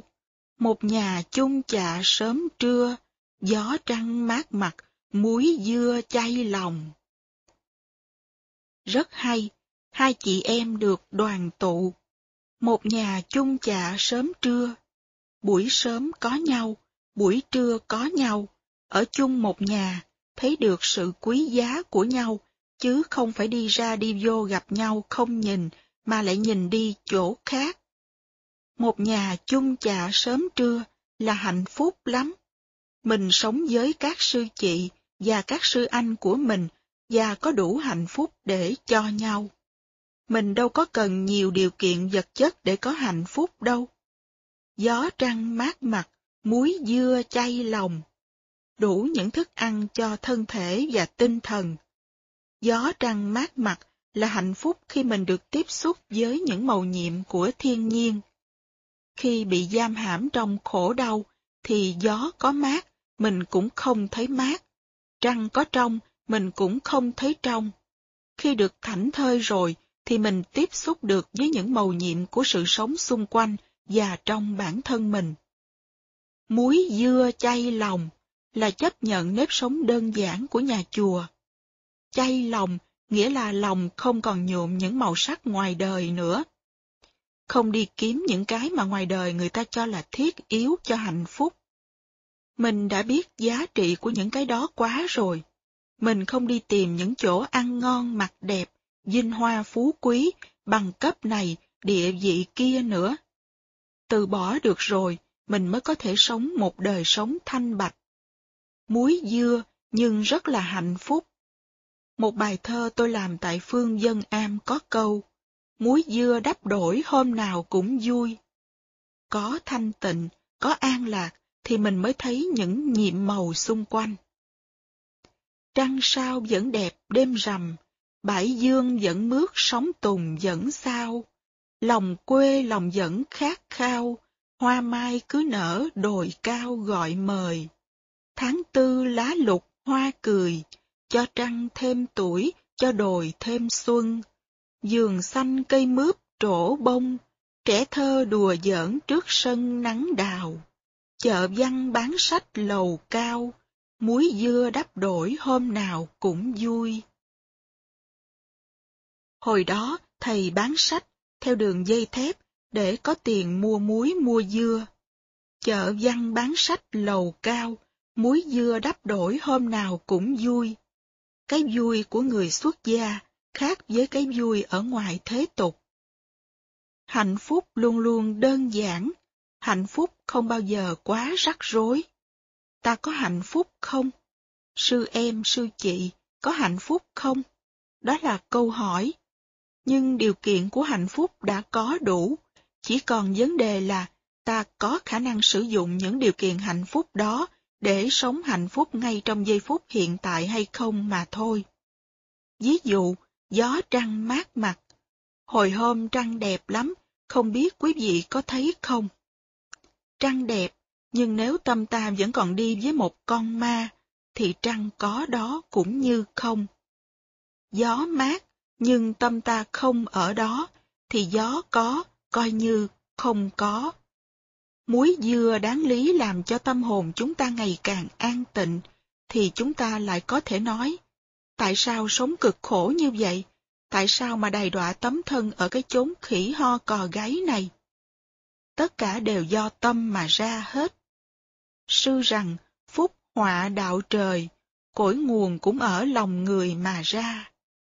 Đọc truyện Kiều, chúng ta có thể không đọc như một tiểu thuyết, mà đọc như đọc kinh. Chất liệu của tuệ giác được chứa đựng trong này rất nhiều, được biểu hiện bằng những hình ảnh thi ca rất đẹp. Trong truyền thống đạo Bụt, muốn có hạnh phúc thì phải sống đơn giản. Thế giới hôm nay lâm vào tình trạng khổ đau và bế tắc là vì người ta không thấy được hạnh phúc trong nếp sống đơn giản. Nhiều bậc giác ngộ nói rằng nẻo thoát cho thế giới ngày hôm nay là một nếp sống đơn giản. A simple life style. Nền văn minh hiện đại của chúng ta đã đi vào ngõ bí. Nếu chúng ta cứ tiếp tục đi theo hướng này, thì chúng ta sẽ chết. Nền văn minh này sẽ bị tiêu diệt. Chỉ có một nẻo thoát thôi là tìm về một nếp sống đơn giản mà hạnh phúc. Bây giờ, ai cũng nghĩ rằng phải có xe hơi, tủ lạnh, trương mục, một số lương tối thiểu nào đó, một bằng cấp và phải được công nhận thì mới có hạnh phúc. Nếu chưa có những điều kiện đó, thì mình vẫn có cảm tưởng như mình bất lực, không phải con người. Vì vậy, ai nấy đều đưa đầu vào guồng máy. Chỉ những người rất khương kiện mới nói rằng hạnh phúc của tôi không phải là đi về hướng đó. Hạnh phúc của tôi là đi về hướng khác. Chúng ta tìm về một nếp sống đơn giản, có tự do và hạnh phúc. Muối dưa chay lòng có nghĩa là đã buông bỏ những đua chen trong cuộc đời, chấp nhận rằng chỉ có nếp sống đơn giản mới đem lại hạnh phúc thật sự mà thôi. Những người ở thành phố phải trả thuế rất nặng về nhà cửa và chức nghiệp, nhất là giới bác sĩ, kỹ sư, thương gia. Nhiều người tự tử vì thuế. Thuế nặng quá, người ta phải chạy, không có thì giờ để thở, để tiếp xúc với ánh trăng, với cơn gió thoảng. Muối dưa chay lòng là một điều kiện quan trọng để ta có được cái hạnh phúc của gió trăng mát mặt. Tám chữ này có thể là nẻo thoát cho nền văn minh hiện đại. Ta có thể viết tám chữ này treo trong thiền đường. Gió trăng mát mặt, muối dưa chay lòng. Thật đơn giản, giải pháp của đạo Bụt đối với nền văn minh mới. Bốn bề bát ngát mênh mông, triều dân hôm sớm, mây lồng trước sau. Đây là tả cảnh chỗ hai sư cô ở chung, nhưng đồng thời nói được tâm trạng thư thái, tự do của hai chị em. Bốn bề bát ngát mênh mông, nghĩa là họ có tự do. Chúng ta nhớ bài thiền tập, là hoa tươi mát, là núi vững vàng, nước tĩnh lặng chiếu, không gian thênh thang.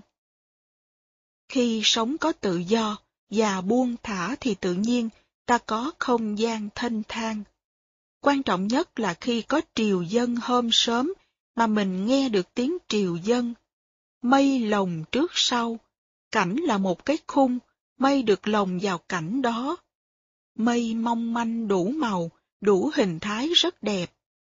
Tôi còn nhớ một lần ở Ba Lan, trước khi đi giảng tôi có tới thăm một họa sĩ. Họa sĩ không vẽ gì hết, chỉ vẽ mây thôi. Hỏi tại sao, ông nói, thưa thầy, tại vì chỉ có mây là đáng vẽ thôi. Nếu ông vẽ mây mà có chánh niệm, thì nhìn vào mây, ông có thể thấy tất cả mọi cái khác đều có mặt trong mây. Lúc đó, ông sẽ không còn kỳ thị giữa mây và không mây nữa. Triều dân hôm sớm mây lồng trước sau, cũng là những màu nhiệm của vũ trụ. Nếu không thanh thản, thì ta cũng không tiếp xúc được. Trong đời sống, một nhà chung chạ sớm trưa, ta phải giúp nhau để cho những người kia, sư chị, sư anh hay sư em của mình, tiếp xúc được với những màu nhiệm của sự sống đang có mặt hôm nay. Mùa xuân, cây cối xanh tươi, cứ mỗi vài ngày lại có một loài hoa mới xuất hiện. Có những đám mây rất đẹp, những cơn gió rất mát. Những cái đó ta làm sao tiếp xúc được khi ta bị giam giữ trong sự tiếc thương quá khứ, lo lắng bất định về tương lai, khi ta quên đi giờ phút hiện tại. Là những người thương nhau, ta phải giúp nhau ra khỏi tâm trạng lo lắng, tiếc nuối, buồn phiền, để có thể tiếp xúc được với những màu nhiệm của sự sống trong giờ phút hiện tại. Sự thực tập của chúng ta là sự thực tập tiếp xúc. Nếu không tiếp xúc được với những màu nhiệm của hiện tại, thì ta thực tập không được thành công. Thực tập tiếp xúc được với những màu nhiệm trong hiện tại, thì thời gian chúng ta ở tại đây là thời gian hạnh phúc nhất trong đời. Và sau đó, ta có thể tiếp tục sống hạnh phúc ở bất cứ nơi nào. Đọc đoạn này, chúng ta thấy sư chị rất dễ thương và rất thương sư em. Có thể sư chị có nhiều nhiệm vụ ở những nơi khác, nhưng cứu được sư em rồi, thì hai chị em ở lại đó. Chúng ta hãy nhìn lại xem thử, chúng ta đã được như Thúy Kiều và Giác Duyên lúc này hay chưa? Ta có thấy rằng được sống với sư chị, sư em mình trong khung cảnh, có trăng, có gió, có mây, có trời, là hạnh phúc hay không? Trong bản in của cụ Trần Trọng Kim thì đến đây thơ được chấm câu và ngắt sang đoạn khác, nhưng tôi thấy không nên, phải đọc tiếp. Nạn xưa trút sạch lầu lầu, duyên xưa chưa dễ biết đâu chốn này. Tất cả những tai nạn dướng díu vào thân phận Thúy Kiều, làm cho Thúy Kiều ba chìm bảy nổi chính lên đên, đều được trút sạch hoàn toàn. Nạn xưa trút sạch lầu lầu. Sáu chữ này nói về sự chuyển hóa hoàn toàn của Thúy Kiều. Từ khi Kiều gieo mình xuống sông Tiền Đường, cái nghiệp quá khứ của Kiều đã chấm dứt. Mỗi người chúng ta đều có sông Tiền Đường của mình. Khi tới được sông Tiền Đường, chúng ta sẽ chấm dứt được tất cả những khổ đau và tai nạn của mình. Chúng ta được sinh ra lại trong một đời sống mới. Sông tiền đường đó có thể là xóm thượng hay xóm hạ, New York City, Amsterdam hay Minneapolis. Bất cứ ở đâu mà ta thấy rằng ta có thể chết được trong đời sống khổ đau dương dấn và tái sinh lại trong đời sống thanh thản, nhẹ nhàng. Mỗi người trong chúng ta đều có một sông tiền đường. Vấn đề là chúng ta đã tới được sông tiền đường đó hay chưa? Nạn xưa trút sạch lầu lầu. Không có câu thơ nào đẹp bằng. Đó là sự giải thoát hoàn toàn. Đó là sự buông bỏ tất cả những tai nạn, nghiệp chướng, nhờ mình chết được. Trong thiền, chúng ta có danh từ chết đi sống lại, tuyệt hậu tái tô. Nếu không chết đi sống lại, thì chúng ta không sinh ra được trong cõi tịnh độ. Tịnh độ ngay trong giờ phút này. Cô nàng đã được giải thoát, còn anh chàng thì sao? Đó là điều chúng ta sẽ xét lại trong đoạn sắp tới. Bây giờ, chúng ta hãy đọc chung lại đoạn này. Một nhà chung chạ sớm trưa, gió trăng mát mặt, muối dưa chay lòng. Bốn bề bát ngát mênh mông, triều dân hôm sớm, mây lồng trước sau. Nạn xưa trút sạch lầu lầu, duyên xưa chưa dễ biết đâu chốn này. Thời gian này, không biết rõ là được bao nhiêu tháng, là thời gian rất hạnh phúc của hai chị em. Cả chị và em đều lớn lên một cách rất mau. Tuy hai người rất thương yêu nhau, lưu luyến nhau, nhưng chị bây giờ đã biết dạy cho em, và em đang quyết tâm thực tập đàng hoàng theo chị. Thúy Kiều sau đó chứng tỏ đã lớn lên vững mạnh và chuyển hóa lớn lao. Điều đó không nói được trong sáu câu thơ này. Nếu viết lại truyện Kiều, thì chỗ này chúng ta phải viết về chuyện thực tập của hai bên. Ngày xưa, khi ở am chiêu ẩn, sư chị không dạy cho sư em đàng hoàng. Khi lâm vào tình trạng bối rối khổ đau, thì sư em không biết cách giữ thân, giữ tâm. Kỳ này thì khác. Đứng về phương diện tu tập và kinh nghiệm, thì Thúy Kiều, tức Ni Cô Trạc Tuyền, bây giờ đã bước những bước rất dài. Kinh nghiệm khổ đau rất nhiều, và kinh nghiệm tu tập trong giờ phút chót đã có đầy đủ. So với người con trai, thì Thúy Kiều đã bước những bước của người khổng lồ. Kim Trọng vẫn còn lẻo đẻo đi trên con đường lận đận. Trên đường tâm linh, Kim Trọng còn đi lọt phía sau một quãng khá dài. Điều này chúng ta thấy rất rõ mỗi khi ở làng Mai một, hai, ba năm về gặp lại những người bạn cũ. Những người ngày xưa cùng đi một đường với ta, tại sao bây giờ vẫn chưa gỡ được những sợi dây mà mình thấy rất dễ gỡ? Đây là tâm trạng của Thúy Kiều trong những câu thơ sau. Thúy Kiều đã làm rất hay và làm một cách rất nhẹ nhàng, vô tướng để giúp người con trai mình thương ngày xưa, người cũ, cố nhân. Những người mình đã có cảm tình ngày xưa, mình có bổn phận phải độ họ.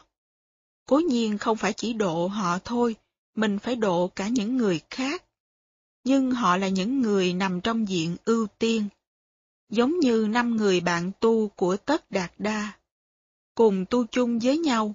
Sau này, thấy Tất Đạt Đa uống sữa, ăn cháo, ăn da ua, họ nghĩ ông này tu hành không ra gì hết và bỏ đi. Nhưng tình đồng đạo còn đó, nên khi thành đạo rồi, Bụt nghĩ đến năm người và tìm tới giường nai độ họ. Chúng ta cũng vậy. Đạt tới sự nhẹ nhàng rồi, chúng ta phải đi tìm cha, tìm mẹ, tìm anh chị em, tìm người cũ của mình để giúp họ. Đó là chuyện rất thông thường. Rồi quý vị sẽ thấy điều này là một điều rất dĩ nhiên. Tan sương đầu ngõ Hoa đào năm ngoái Chúng ta hãy đi trở lại 15 năm về trước. Nỗi nàng tai nạn đã đầy, nỗi chàng kim trọng bấy chày mới thương. Từ ngày muôn dặm phù tan, nửa năm ở đất liêu dương tại nhà. 15 năm là một đường hầm dài rất tối. Chúng ta đã từng thử làm người bạn đồng hành của Thúy Kiều, đi ngang qua con đường hầm tối 15 năm đó. Kiều đã tìm thấy ánh sáng. Bây giờ, anh chàng lại mới bắt đầu. Tội nghiệp. Kim Trọng đi hộ tang cho ông chú ở Liêu Dương, sáu tháng sau trở về.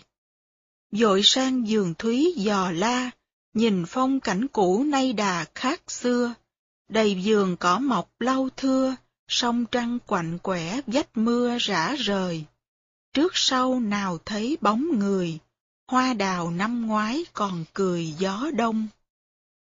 Cứ tưởng tượng về thì cảnh sẽ như xưa, mà người cũng như xưa, nhưng mọi sự đã hoàn toàn đổi khác. Trong tâm mình chứa chất một hình ảnh, mình nghĩ rằng hình ảnh đó sẽ còn mãi như vậy. Nhưng sự thật của cuộc đời là vô thường, chỉ cần mấy ngày thôi mà tình trạng đã hoàn toàn đảo ngược. Sau tai nạn, gia đình Thúy Kiều phải bán nhà. Từ một gia đình giàu có, họ phải đi may thuê viết mướn, làm công cho người ta và cư trú trong một túp nhà rất lụp xụp. Kim Trọng trở về, thấy ngôi nhà cũ hoàn toàn cô liêu. Đầy giường cỏ mọc lau thưa, sông trăng quạnh quẻ vách mưa rã rời. Hình ảnh trong lòng chàng trai đem so sánh với hình ảnh hiện tại thì hoàn toàn khác nhau. Sự ngạc nhiên của Kim Trọng bắt đầu từ sự so sánh hai hình ảnh đó. Trước sau nào thấy bóng người, nhưng hoa đào năm ngoái còn cười gió đông. Cây hoa đào năm ngoái, chỗ hai người trao cành kim thoa, vẫn nở hoa rực rỡ, cười với gió mùa xuân, gió đông. Câu này lấy từ tứ bài thơ của thi sĩ Thôi Hộ đời đường. Tích niên kim nhật thử môn trung, nhân diện đào hoa tương ánh hồng, nhân diện bất tri hà xứ khứ, đào hoa y cựu tiếu đông phong. Năm xưa, cũng ngày này, tại cổng nhà này, nàng đứng dưới cây hoa đào, gương mặt phản chiếu màu hồng của hoa đào. Người ấy không biết bây giờ đã đi đâu rồi, trong khi hoa đào vẫn cười với gió xuân, y hệt như năm ngoái. Cây hoa đào năm ngoái đã che chở cho Thúy Kiều. Bây giờ không còn Thúy Kiều nữa, nhưng đến mùa, hoa đào vẫn nở, vẫn đẹp, vẫn tự do, hạnh phúc. Con người không có hạnh phúc và tự do, vì con người có sự mê đắm. Hoa đào y cựu tiếu đông phong, Hoa đào năm ngoái còn cười gió đông. Chỉ có chàng kim là méo miệng, không cười được. Nhiều khi người ta ước ao làm một cây đào hay một cây thông cho khỏe. Trong con người mình có những tình tự tham đắm, khổ đau, lo lắng, và mình thấy hạnh phúc của mình không bằng hạnh phúc của một cây đào hay một cây thông. Nguyễn Công Trứ ngày xưa cũng đã có tâm tình đó, cho nên một hôm thi sĩ nói, kiếp sau xin chớ làm người, làm cây thông đứng giữa trời mà reo. Khi có những hồi hộp, khổ đau lo lắng, thì nhìn một cây thông, ta cũng thấy nó hạnh phúc, vững mạnh hơn ta quá nhiều. Thiền ôm cây, tree rooting meditation, rất lợi ích. Mỗi khi ở trong tình trạng như vậy, ta có thể tới ôm cây để tiếp nhận được sự vững chãi và tươi mát của cây. Trúc Lâm Đại Sĩ, tức vua Trần Nhân Tông, khi đã đi tu, một lần trả lời câu hỏi của một thiền sinh về chuyện tu học, đã nói. Giường nhà vắng mặt người chăm sóc, lý trắng đào hồng tự nở hoa. Khỏi phải lao tác mệt nhọc, khỏi phải tranh đấu. Trong con người mình có sẵn giác tánh, cho giác tánh đó cơ hội, thì tự nhiên nó sẽ nở hoa. Giường nhà vắng mặt người chăm sóc, lý trắng đào hồng tự nở hoa. Ở đây ta thấy hình ảnh một cây đào. Ngày xưa bên tàu có một thiền sư tên Linh Dân đi chơi, thấy hoa đào nở thì giác ngộ, khỏi tu gì hết. Nhưng chắc chắn trước đó ông cũng đã đi thiền hành, đã tập thở rồi, cho nên đến lúc thấy hoa đào, ông mới giác ngộ chứ. Có biết bao nhiêu người thấy hoa đào, nhưng có giác ngộ gì đâu, nhất là anh chàng kim trọng. Thấy hoa đào, càng thấy càng rầu, không giác gì cả. Trước mặt chúng ta là hai hình ảnh trái ngược. Một là hình ảnh cây đào rất giải thoát. Có nàng kiều hay không có nàng kiều đứng một bên, thì cây cũng vẫn tỉnh bơ, vẫn cười với gió xuân. Một anh chàng khác, không tên đào mà tên kim, không thể tiếp xúc được với hoa đào, bởi vì thiếu một người thì cây hoa đào không có nghĩa gì nữa. Trên đời không còn có nghĩa gì nữa nếu nàng hay chàng không có mặt. Chỉ thiếu một người thôi là cả thế gian này trở nên trống rỗng, lạnh tanh. Đó là một câu thơ của Lamartine. Do tâm mình mà ra hết. Khi mình đã bị dướng vào một cái và cho đó là thế giới của mình rồi, thì mình bỏ hết tất cả những gì còn lại trong thế giới kia. Nếu nàng không có mặt đó, thì không có cái gì có mặt đó hết.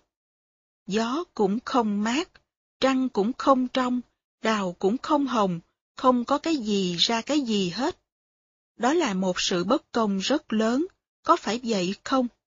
Tại sao vũ trụ, thiên nhiên, sự sống màu nhiệm như vậy, mà mình cho là zero hết, khi mình chỉ thiếu có một cái thôi? Mà cái đó chưa chắc mình đã thật sự thiếu. Có thể nó có đó, mà mình không thấy.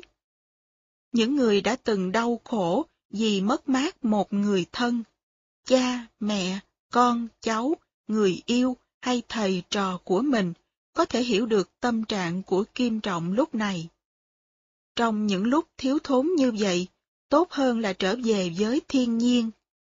Tiếp xúc với thiên nhiên, ta sẽ được an ủi rất nhiều, và sẽ có thể thấy trở lại, tiếp xúc trở lại được với người đã mất. Có một lần, tôi đi thiền hành ở xóm thượng với một người cha trẻ mất con. Tôi chỉ cho người đó tiếp xúc với những bông hoa, đọt lá, giúp người cha đó tìm lại và tiếp xúc với đứa con vừa mới mất. Nếu mình mất cha mẹ, người yêu hay con cái mình, thì mình cũng phải làm như vậy. Phải trở về với thiên nhiên. Thiên nhiên là một bà mẹ. Thiên nhiên có thể an ủi được mình, chỉ cho mình cách tiếp xúc lại được với người mình thương.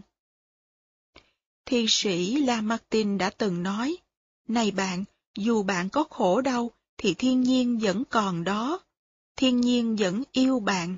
Bạn nên lặng hợp vào trong lòng của thiên nhiên, vì thiên nhiên đang mở hai cánh tay để đón bạn. Trong khi đối với bạn, tất cả đều thay đổi, thì thiên nhiên vẫn là thiên nhiên cũ. Không phản bội bạn. Sẵn sàng mở hai cánh tay đón nhận bạn. Mặt trời hôm nay mọc lên, chiếu xuống cuộc đời bạn vẫn là mặt trời cũ, bạn đừng quên. Đó là lời khuyên của thi sĩ. Bạn đừng nói rằng chỉ thiếu một người là không còn gì nữa hết. Nói như vậy là bất công. Trở về, tiếp xúc với thiên nhiên là con đường thoát cho những người đột nhiên mất một người thân. Cây đào đang nở hoa là một sứ giả của bụt, của chân như màu nhiệm. Cây đào nói, bạn ơi, đừng đau khổ nữa, có tôi đây. Nhưng Kim Trọng đâu đã nghe được, đâu đã tiếp xúc được. Sự đam mê đã lớn quá rồi trong lòng chỉ còn có một hình ảnh, không có cái phản chiếu hình ảnh đó, thì coi như cuộc đời không còn gì nữa cả. Nếu đời không có em, thì đời không có giá trị gì hết. Đó là lời tuyên bố của những người đang kẹt vào sự đam mê. Sập xòe én liện lầu không, cỏ lan mặt đất rêu phong dấu dày. Cuối tường gai góc mọc đầy, đi về này những lối này năm xưa. Tất cả những hình ảnh của quá khứ hiện ra. Khi đã bị hình ảnh của quá khứ trấn ngự trong tâm rồi, đem ra so với hình ảnh hiện tại, thì thấy bây giờ mình đã mất hết. Trong khi đó, thế giới vẫn còn là thế giới. Người ta tự tử, làm gì tưởng rằng mình đã mất hết rồi. Kỳ thực, người ta không mất gì cả. Chúng ta đã được gì hôm nay, và sẽ mất gì sáng nay, là một câu thơ tôi viết trong bài Hoa mặt trời.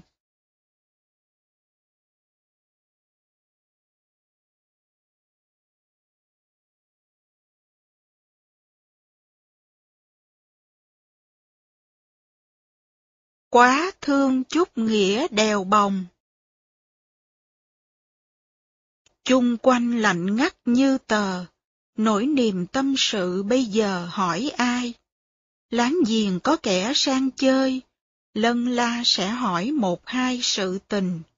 Hỏi ông, ông mắt tụng đình. Hỏi nàng, nàng đã bán mình chuột cha. Hỏi nhà, nhà đã dời xa. Hỏi chàng dương giới cùng là Thúy Dân. Đều là sa sút khó khăn, may thuê viết mướn kiếm ăn lần hồi. Điều đâu xét đánh lưng trời, thoát nghe chàng đã rụng rời xiết bao. Hỏi hang di trú nơi nào, đánh đường chàng mới tìm vào tận nơi. Phải hỏi thăm mấy ngày trời mới tìm được tới chỗ gia đình viên ngoại. Tới nơi thì thấy gì?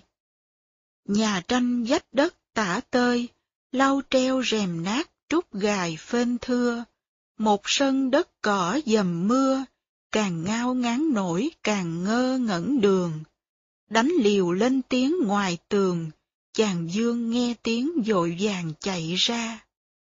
Dương Quang ơi, Dương Quang! Dương Quang là bạn học của Kim Trọng, gọi Dương Quang chứ còn gọi ai được nữa. Kim đâu có quen với hai ông bà viên ngoại, mà cũng đâu có quen với cô em gái của Kiều. Dắt tay vội rước vào nhà, mái sau viên ngoại ông bà ra ngay. Trong nhà này, bây giờ ai cũng đã biết tất cả những bí mật giữa Kim và Kiều rồi. Thấy Kim, Dương Quang kéo ngay chàng vào trong nhà. Hai ông bà nghe nói có chàng Kim tới cũng ra hết. Vì thương lắm rồi. Thương con bao nhiêu thì thương chàng bấy nhiêu. Bây giờ đã hiểu thì thương, lúc trước thì chưa chắc. Khóc than kể hết niềm tây, chàng ôi biết nổi nước này cho chưa. Kiều Nhi phận mỏng như tờ, một lời đã lỗi tóc tơ với chàng. Gặp cơn da biến lạ giường, bán mình nó phải tìm đường cứu cha. Dùng dằn khi bước chân ra, cực trăm nghìn nổi dặn ba bốn lần. Càng nghe nói, chàng Kim càng thấy gia đình này đã biết hết chuyện mình. Trót lời nặng với Lan Quân, mượn con em nó Thúy Dân thay lời. Chúng ta hãy nhớ lại chuyện công chúa Huyền Trân. Sau khi vua Chàm mất, theo nguyên tắc, công chúa phải lên giàn hỏa đốt theo vua Chàm. Nhưng nhờ công chúa có mang, nên người ta hoãn lại, đợi công chúa hạ sinh em bé rồi mới làm lễ hỏa thiêu. Đó là tục lệ của Ấn Độ. Vua Anh Tông, anh ruột của công chúa Huyền Trân, đã tổ chức một cuộc bắt cóc, cứu công chúa về. Thấy bên mình làm như vậy là tráo trở, đã gả con cho người ta rồi, mà lại làm như vậy là không tử tế. Thượng Hoàng, Trúc Lâm Đại Sĩ, sai đệ tử là thiền sư Bảo Phát, xuống nói chuyện với vua Anh Tông nên làm một hành động gì để xin lỗi. Để tâm được yên, vua Anh Tông cho 300 người thợ khéo nước chàm, đã cống hiến cho nước Việt được về nước. Ở đây cũng vậy, Thúy Kiều đã hứa lỡ cho Kim Trọng, bây giờ phải bán mình chuột cha nên rất áy náy. Vì vậy, nàng xin với cha mẹ ba bốn lần gả em gái mình cho chàng Kim. Ngày xưa ở Đông Phương, với chế độ đa thê, có khi hai chị em cưới cùng một anh chàng. Ở Việt Nam, người ta gọi là hoa thơm hái cả cụm. Nếu Thúy Dân là một cô gái mới, thì cô ta sẽ nói, tôi đâu có mắc nợ anh chàng hồi nào mà bắt tôi phải trả nợ. Nhưng ở đây, tình chị em liên đới, nên chị mắc nợ thì em trả giùm cho chị. Trong xã hội cũ, gia đình là một khối thì người ta chấp nhận và làm chuyện đó được. Các cô gái mới bây giờ thì chắc không chịu đâu.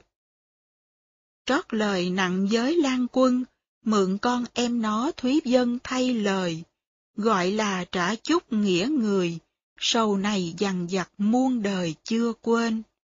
Kiếp này duyên đã phụ duyên, dạ đài còn biết sẽ đền lai sinh. Mấy lời ký chú đinh ninh, ghi lòng để dạ cất mình ra đi. Phận sao bạc bấy kiều nhi, chàng kim về đó, con thì đi đâu? Chú thích Sầu này dằn vặt muôn đời chưa quên. Trường hận ca có câu, thử hận miên miên vô tuyệt kỳ, mối sầu hận này dằn vặt không bao giờ nguôi. Chuyện chỉ xảy ra mới cách đây sáu tháng, vết thương còn tươi. Hai ông bà nhắc lại thì đau lòng và khóc. Ông bà càng nói càng đau, chàng càng nghe nói càng giàu như dưa. Nỗi đau của ông bà làm cho ông bà không thấy được rằng nỗi đau của anh chàng cũng rất lớn. Giàu là dập nát, giò giàu. Quý vị có thấy dưa cải không? Gấp một gấp dưa cải nhìn thì thấy nó nhầu nát, nhăn nhíu. Cái lòng của Kim Trọng lúc này là như vậy. Giật mình dãy gió tuôn mưa, dầm về giọt ngọc thẫn thờ hồn mai. Đau khổ cho đến nỗi thân hình của Kim Trọng giống như một con run bị người ta cuốc nhầm, quằn quại, đau đớn. Cả thân và tâm đều đi vào địa ngục. Thân quằn quại, mà tâm cũng quằn quại. Đường hầm 15 năm cô nàng đã đi qua rồi, anh chàng bây giờ mới bắt đầu. Giật mình dãy gió tuôn mưa, dầm về giọt ngọc thẫn thờ hồn mai. Đau khổ tuôn ra như mưa như gió, mình không còn là mình nữa. Một người thông minh, bạc thiệp, linh mẫn, bây giờ giống như một cái xác không hồn, không còn gì nữa cả. Đó là chứng bệnh tương tư thất tình. Đau đòi đoạn, ngất đòi thôi, tỉnh ra lại khóc, khóc rồi lại mê. Có những lúc cơn đau đi lên, ngưng lại một chút, rồi lại đau lên một chập khác. Giống như cơn sốt, sốt xong, bớt sốt, rồi sốt lại.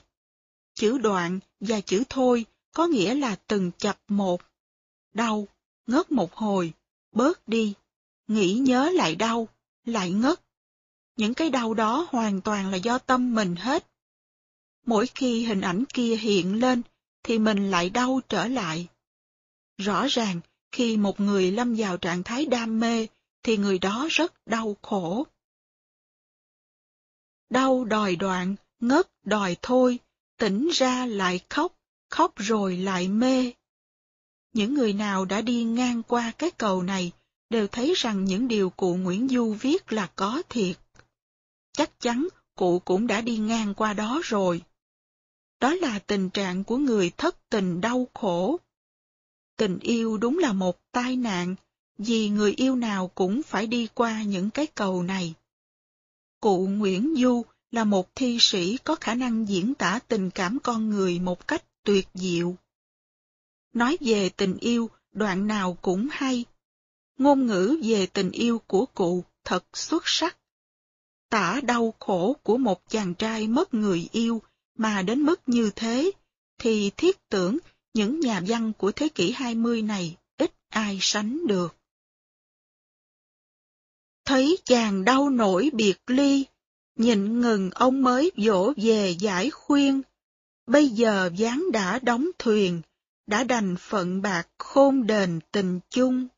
Quá thương chút nghĩa đèo bồng, nghìn vàng thân ấy dễ hồng bỏ sao.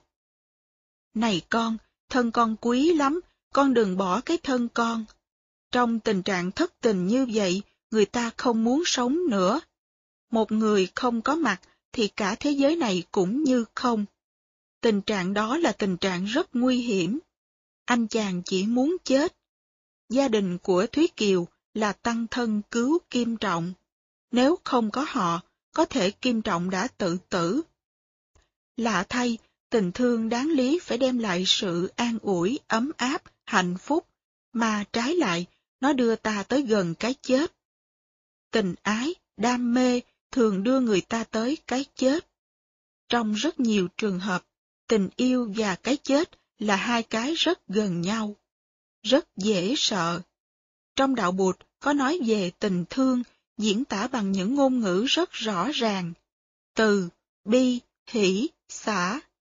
Tình thương phải có tác dụng hiến tặng niềm vui. Từ, làm dơi nỗi khổ. Bi, có sự vui vẻ, hỷ, và không kỳ thị, xả. Tình đam mê rất kỳ thị. Chỉ có một người có giá trị thôi, còn tất cả những người khác không có giá trị gì cả.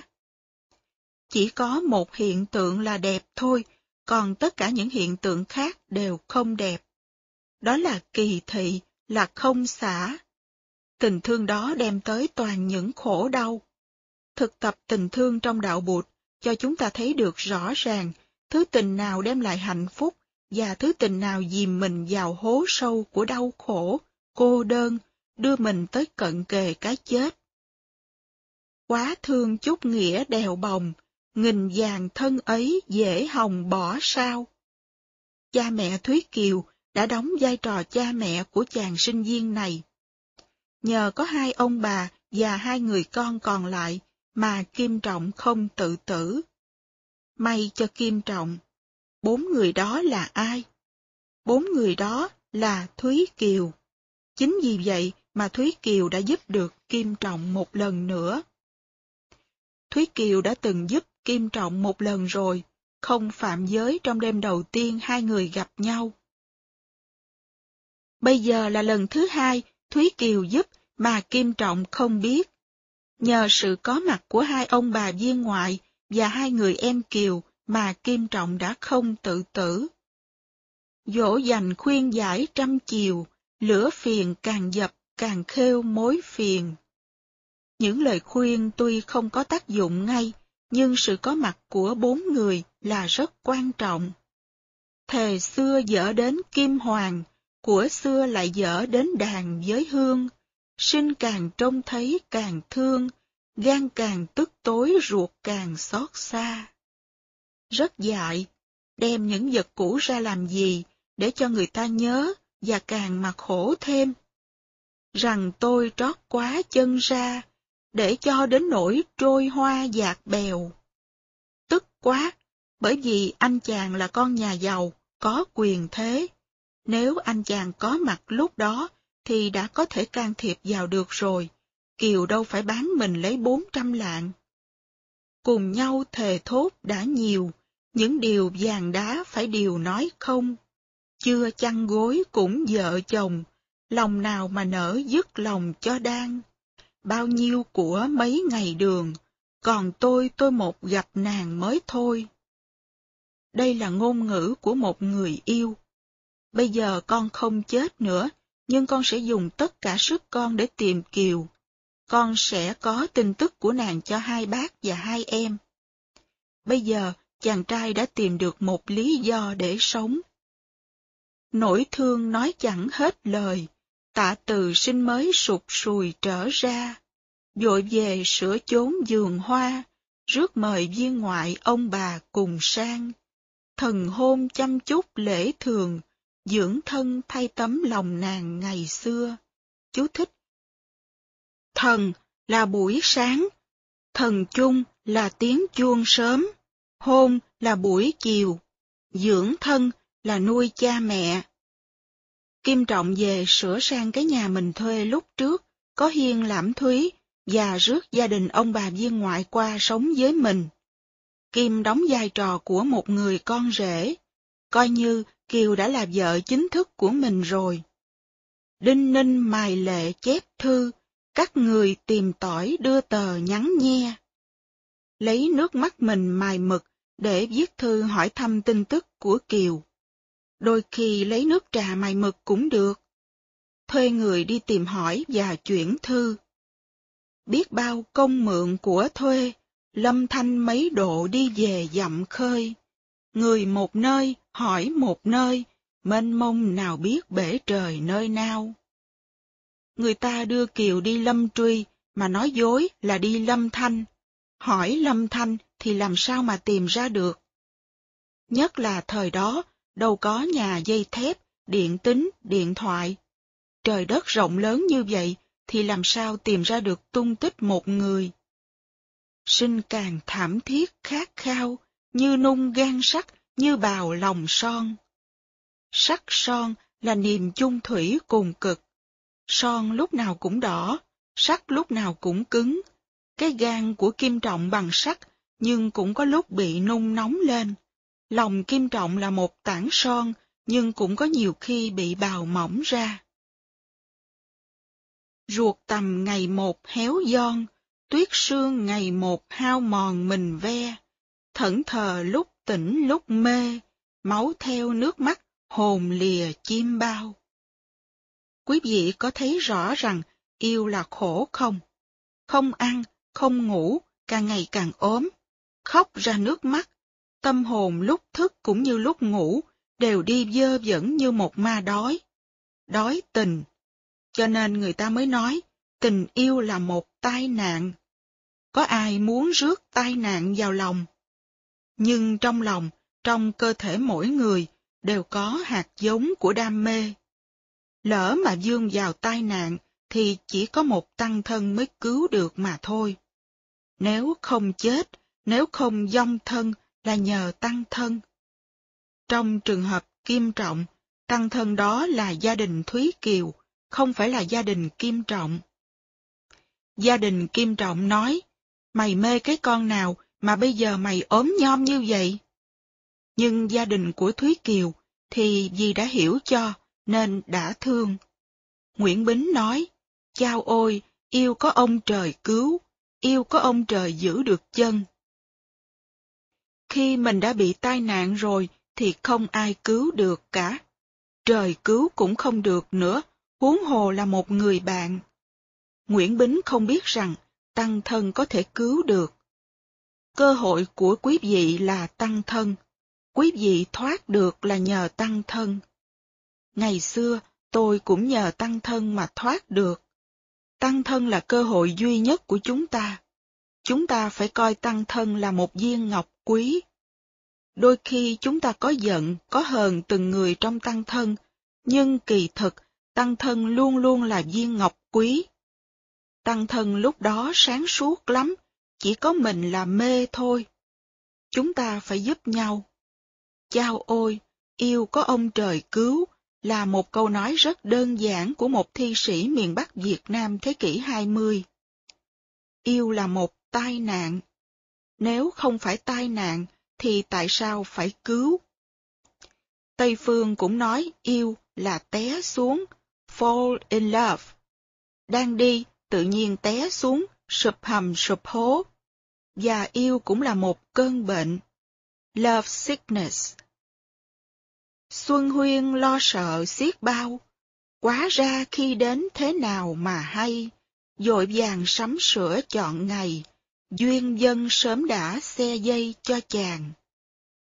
Sợ Kim Trọng chết, hai ông bà vội vàng sắp đặt gả Thúy Dân cho Kim Trọng. Anh chàng chấp nhận. Đã mất Thúy Kiều, nhưng nếu có Thúy Dân thì cũng rất được an ủi, vì em của Thúy Kiều cũng có chứa đựng Thúy Kiều ít nhiều bên trong. Tình yêu là như vậy, những gì có liên hệ tới người yêu của mình, mình đều yêu hết. Khi thương thì thương hết tất cả đường đi nước bước, những thức ăn thức uống của người yêu mình cũng ưa, Những thói hư tật xấu của người yêu, mình cũng yêu tuốt. Mà khi đã ghét thì ghét hết. Yêu ai yêu cả đường đi, ghét ai ghét cả tông chi họ hàng.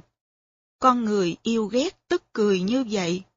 Không xả, tức là không bình đẳng, vì tình yêu ấy chứa đựng rất nhiều tính phân biệt và kỳ thị. Cái đường người đó đi, tại sao mình thương làm chi? Tông chi họ hàng người đó có dính gì tới mình mà mình ghét? Đó là một thái độ hết sức kỳ thị, không bình đẳng. Từ, bi, hỷ, xả mới là tình yêu đích thực. Tâm trạng của Kim Trọng cũng thường thôi. Em gái của Thúy Kiều là Thúy Kiều trong một mức độ nào đó. Được cưới Thúy Dân, Kim Trọng cũng bớt đau khổ. Đó là thuốc của ông bà viên ngoại cho chàng Kim uống. Nhưng đó cũng là di chúc của Kiều. Người yểu điệu, kẻ văn chương, trai tài gái sắc, xuân đương vừa thì. Cặp đó xem ra cũng được lắm, nhưng tuy rằng vui chữ du quy, vui này đã cất sầu kia được nào. Khi ăn ở, lúc ra vào, càng âu duyên mới, càng giàu tình xưa. Tình yêu của Kim Trọng với Thúy Dân phát triển rất mau, nhưng tình lưu luyến với Thúy Kiều vẫn không giảm bớt. Những lúc ngồi một mình, Kim Trọng vẫn khóc, lòng dạ vẫn rối beng. Nỗi nàng nhớ đến bao giờ, tuôn châu đòi trận dò tơ trăm dòng, có khi vắng vẻ thư phòng, đốt lò hương dở phím đồng ngày xưa. Bẻ bay rủ rỉ tiếng tơ, trầm bay nhạt khói gió đưa lay rèm. Dường như bên nóc bên thềm, tiếng kiều đồng giọng bóng sim mơ màng. Mỗi khi đốt hương và đánh đàn một mình thì lại cảm thấy linh hồn kiều đang về với mình. Đó là do từ tâm mà ra cả. Bục dạy tam giới duy tâm, dạng pháp duy thức. Kim cứ nghĩ rằng Kiều đã chết rồi và hồn đang về đáp lại tiếng đàn của mình. Đó là kỷ niệm đêm đầu tiên hai người gặp nhau. Nhưng cụ Nguyễn Du rất ý thức. Cụ nói, bởi lòng tạc đá ghi vàng, tưởng nàng nên lại thấy nàng về đây. Nó đã chết đâu, tại thương tại khổ nên anh tưởng tượng ra như vậy đó chứ. Đây là kiến giải của cụ Nguyễn Du. Tất cả đều do tâm thức của mình. Mình nằm mơ thấy, nói, thiệt mà, tôi thấy. Nhưng kỳ thực, đó cũng từ trong tâm đi ra. Giác duyên đâu bỗng tìm vào tận nơi.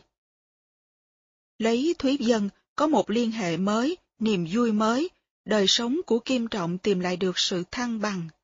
Nhưng tình cảm dấn dương với Thúy Kiều vẫn còn nhiều. Năm tháng đi qua. Những là phiền muộn đêm ngày, xuân thu biết đã đổi thay mấy lần. Chế khoa gặp hội trường văn, Dương Kim cùng chiếm bản xuân một ngày. Cửa trời rộng mở đường mây, hoa chào ngõ hạnh, hương bay dặm phần. Dương Quang và Kim Trọng thi đậu, dinh hiển, quê hương làng xóm cũng được thơm lây. Chàng Dương nhớ đến xa gần, sang nhà chung lão tạ ân chu tuyền. Tình xưa ân trả nghĩa đền, gia thân bèn mới kết duyên châu trần. Chú thích, chế khoa là khoa thi đặc biệt được mở do ý riêng của nhà vua, khác với khoa thi thường lệ. Đây là thi hội. Khi đậu tú tài, khoa hương thi ở địa phương thì mới được thi hội ở kinh đô. Đậu ở kinh đô thì mới được chọn lựa làm quan, lo công việc của nhà nước. Cửa trời, cửa của nhà vua, đường mây, đường lập công danh. Ngõ hạnh, tức ngõ hạnh viên, tên một khu vườn xưa là nơi các tân khoa tiến sĩ chơi và dự yến. Chỉ cảnh thi đổ, được ăn yến xem hoa. Dặm phần, chỉ quê hương. Hương là tiếng thơm. Chu tuyền, lo lắng cho mình trọn vẹn trong cơn nguy biến. Dương Quang sau khi thi đậu thì sang nhà láng giềng năm xưa là Chung Lão để tạ ơn Chung Lão đã can thiệp, giúp đỡ, chỉ đường khi gia đình bị nạn. Có một bí mật trong đó mà ta chưa hay. Chàng Dương yêu cô con gái của Chung Lão. Bây giờ trở về, đã đậu khoa hội, Chung Lão bằng lòng gả con gái cho. Kim từ nhẹ bước thanh dân, nỗi nàng càng nghĩ xa gần càng thương. Ấy ai dặn ngọc thề vàng, bây giờ kim mã ngọc đường với ai? Ngọn bèo chân sóng lạc loài, nghĩ mình vinh hiển, thương người lưu ly. Dân ra ngoại nhậm lâm truy, quan sơn nghìn dặm thê nhi một đoàn. Kim Trọng được vua cử đi làm quan ở Lâm Truy, chỗ ngày xưa nàng Kiều đã tới nơi mà gia đình đã tưởng lầm là Lâm Thanh. Bây giờ số mạng gửi anh chàng tới đó. Cầm đường ngày tháng thanh nhàn, sớm khuya tiếng hạt tiếng đàn tiêu dao. Ngày xưa, có nhiều người làm quan rồi, nhưng vẫn giữ được phong cách nhàn hạ của người nho sĩ. Làm việc quan xong rồi thì uống trà, lấy đàn ra gãy. Đời nhà Tống có ông Triệu Biện, đổ tiến sĩ, đi làm quan, nhưng vẫn giữ được sự thanh nhàn. Ông đem theo một cây đàn và một con chim hạt. Sáng, chiều, tuy làm việc quan, nhưng ông vẫn được nghe tiếng hạt, tiếng đàn. Cầm đường ngày tháng thanh nhàn, sớm khuya tiếng hạt, tiếng đàn tiêu dao. Không giống như giới doanh thương, businessman bây giờ, không có thì giờ để thở nữa. Chú thích Kim Mã Ngọc Đường, sách ấu học tầm nguyên có câu, Kim Mã Ngọc Đường tiện hàng lâm chi thanh giá, nghĩa là Kim Mã Ngọc Đường là nói về thèm khát cái danh giá của các vị hàng lâm, những người học giỏi được triều đình thu nhận. Đây là nói Kim Trọng được vinh hiển, mà Thúy Kiều ở đâu không được chung hưởng cảnh phú quý với chàng. Hết chú thích. Phòng xuân trướng rủ hoa đào, nàng dân nằm bổng chim bao thấy nàng, tỉnh ra mới rỉ cùng chàng, nghe lời chàng cũng hai đường tinh nghi. Một đêm tại tư thất nơi phủ đường lâm truy, Thúy Dân nằm mơ thấy Thúy Kiều. Tỉnh dậy, nàng kể cho chồng nghe. Kim Trọng sinh nghi. Có lẽ Kiều đi lâm truy, chứ không phải lâm thanh. Nọ lâm thanh với lâm truy, khác nhau một chữ hoặc khi có lầm. Trong cơ thanh khí tương tầm, ở đây hoặc có giai âm chăng là. Thanh khí tương tầm, nghĩa là đồng thanh tương ứng, đồng khí tương cầu. Cùng một âm thanh thì ứng, echo, lại cùng với nhau, cùng một chí khí thì đi tìm nhau. Ví dụ, mình là người muốn học Phật Pháp, thì mình đi tìm những người học Phật Pháp để làm bạn. Thăng đường chàng mới hỏi ra, họ đô có kẻ lại già thưa lên. Có người thư ký già họ đô biết chuyện báo cáo. Đây là những lời báo cáo, tuy ngắn nhưng tóm tắt lại được quãng đời 10 năm của Thúy Kiều. Nói rất gọn, như đánh dây thép vậy. Nếu quý vị muốn đánh dây thép, thì phải học đoạn văn này để đừng đánh dư chữ mà tốn tiền. Sự này đã ngoại mười niên, tôi đã biết mặt biết tên rành rành. Tú bà cùng mã giám sinh, đi mua người ở Bắc Kinh đưa về. Thúy Kiều tài sắc ai bì, có nghề đàn lại đủ nghề văn thơ. Kiên trinh chẳng phải gan dừa, liều mình thế ấy phải lừa thế kia. Phong trần chịu đã ê chề, dây duyên sau lại gã về thúc lan. Phải tay vợ cả phủ phàng bắt về vô tích, toan đường bẻ hoa. Bực mình nàng phải trốn ra, chẳng may lại gặp một nhà bà kia. Thoát buông về, thoát bán đi, mây trôi bèo nổi thiếu gì là nơi. Bỗng đâu lại gặp một người, hơn người trí dũng nghiêng trời uy linh. Trong tay mười vạn tinh binh, kéo về đóng chật cả thành lâm truy. tóc tơ các tích mọi khi, oán thì trả oán, ân thì trả ân. Đã nên có nghĩa có nhân, trước sau trọn vẹn xa gần ngợi khen. Chưa tường được họ được tên, sự này hỏi thúc sinh viên mới tường. Ông thư ký họ đô chỉ biết tin tức Kiều trong 10 năm đầu, không rõ tên họ và tung tích của vị đại dương giúp Kiều, chính là Từ Hải. Ông khuyên Kim Trọng hãy mời thúc sinh đến để hỏi thăm về những việc đã xảy ra những năm sau này. Nghe lời đô nói rõ ràng, tức thì đệ thiếp mời chàng thúc sinh. Nỗi nàng hỏi hết phân minh, chồng con đâu tá tính danh là gì? Thúc rằng gặp lúc lưu ly, trong quân tôi hỏi thiếu gì tóc tơ. Đại dương tên Hải họ từ, đánh quen trăm trận sức dư muôn người. Gặp nàng khi ở châu thai, lạ gì quốc sắc thiên tài phải duyên, dãy dùng trong bấy nhiêu niên, làm cho động địa kinh thiên đùng đùng, đại quân đồn đóng cõi đông, về sau chẳng biết dân mồng làm sao. Thúc sinh đã cho Kim Trọng những tin tức về Kiều trong thời gian nàng sống với Từ Hải. Chàng nói chàng không có tin tức gì từ đó về sau. Nghe tường ngành ngọn tiêu hao, lòng riêng chàng luống lao đao thẫn thờ. Xót thay chiếc lá bơ vơ, kiếp trần biết rủ bao giờ cho xong. Hoa trôi nước chảy xuôi dòng, xót thân chìm nổi, đau lòng hợp tan. Lời xưa đã lỗi muôn vàng, mảnh hương còn đó, phím đàn còn đây. Đàn cầm khéo ngẩn ngơ dây, lửa hương biết có kiếp này nữa thôi. Bình bồng còn chút xa xôi, đỉnh chung sao nở ăn ngồi cho an. Rắp lòng treo ấn từ quan, mấy sông cũng lội, mấy ngàn cũng pha. Dấn mình trong án can qua, giàu sinh ra tử, họa là thấy nhau.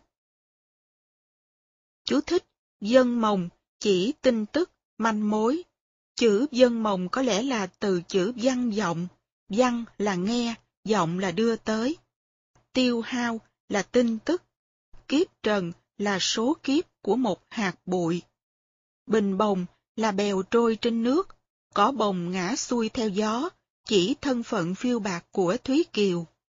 Đỉnh chung, cái vạt và cái chuông bằng đồng, chỉ công danh phú quý. Đời xưa, người ta dùng hai vật ấy mà ghi công, để biểu dương, cho nên đỉnh chung có nghĩa là công danh, do đó có nghĩa luôn là phú quý. Cửu đỉnh dạng chung, một bữa ăn nấu chín giạc, mỗi kỳ lương lãnh 10.000 đấu thóc. Lại do câu chữ Hán, liệt đỉnh nhi thực, thực thì kích chung, ăn thì bày giạc, khi ăn thì thỉnh chuông, chỉ nhà phú quý, hết chú thích. Kim Trọng muốn từ quan, lội sông trèo núi đi tìm Kiều, dù cho có chết giữa đường đi nữa. Đó là ước muốn của Kim Trọng. Nhưng sự thật thì bây giờ anh chàng đã có thê nhi rồi, đâu còn sống nhờ cha mẹ như thời còn là sinh viên nữa mà làm được chuyện đó. Từ quan rồi thì lấy tiền đâu mà đi xe buýt, mà mua vé máy bay đi tìm nàng. Nhất là đã dính vào danh lợi của triều đình rồi, thì khó mà bỏ lắm. Rốt cuộc, đâu có treo ấn từ quan, giàu sinh ra tử gì, chỉ ngồi đó viết thơ và gửi email mà thôi. Nghĩ điều trời thẳm vực sâu, bóng chim tâm cá biết đâu mà nhìn, những là nấn ná đợi tin, nắng mưa đã biết mấy phen đổi dời. Năm này sang năm khác, chàng chờ đợi mà tìm không ra tin tức. Bỗng có chuyện xảy ra. Năm mây bỗng thấy chiếu trời, khâm ban sắc chỉ đến nơi rành rành. Kim thì cải nhậm Nam Bình, chàng Dương cũng cải nhậm thành Phú Dương.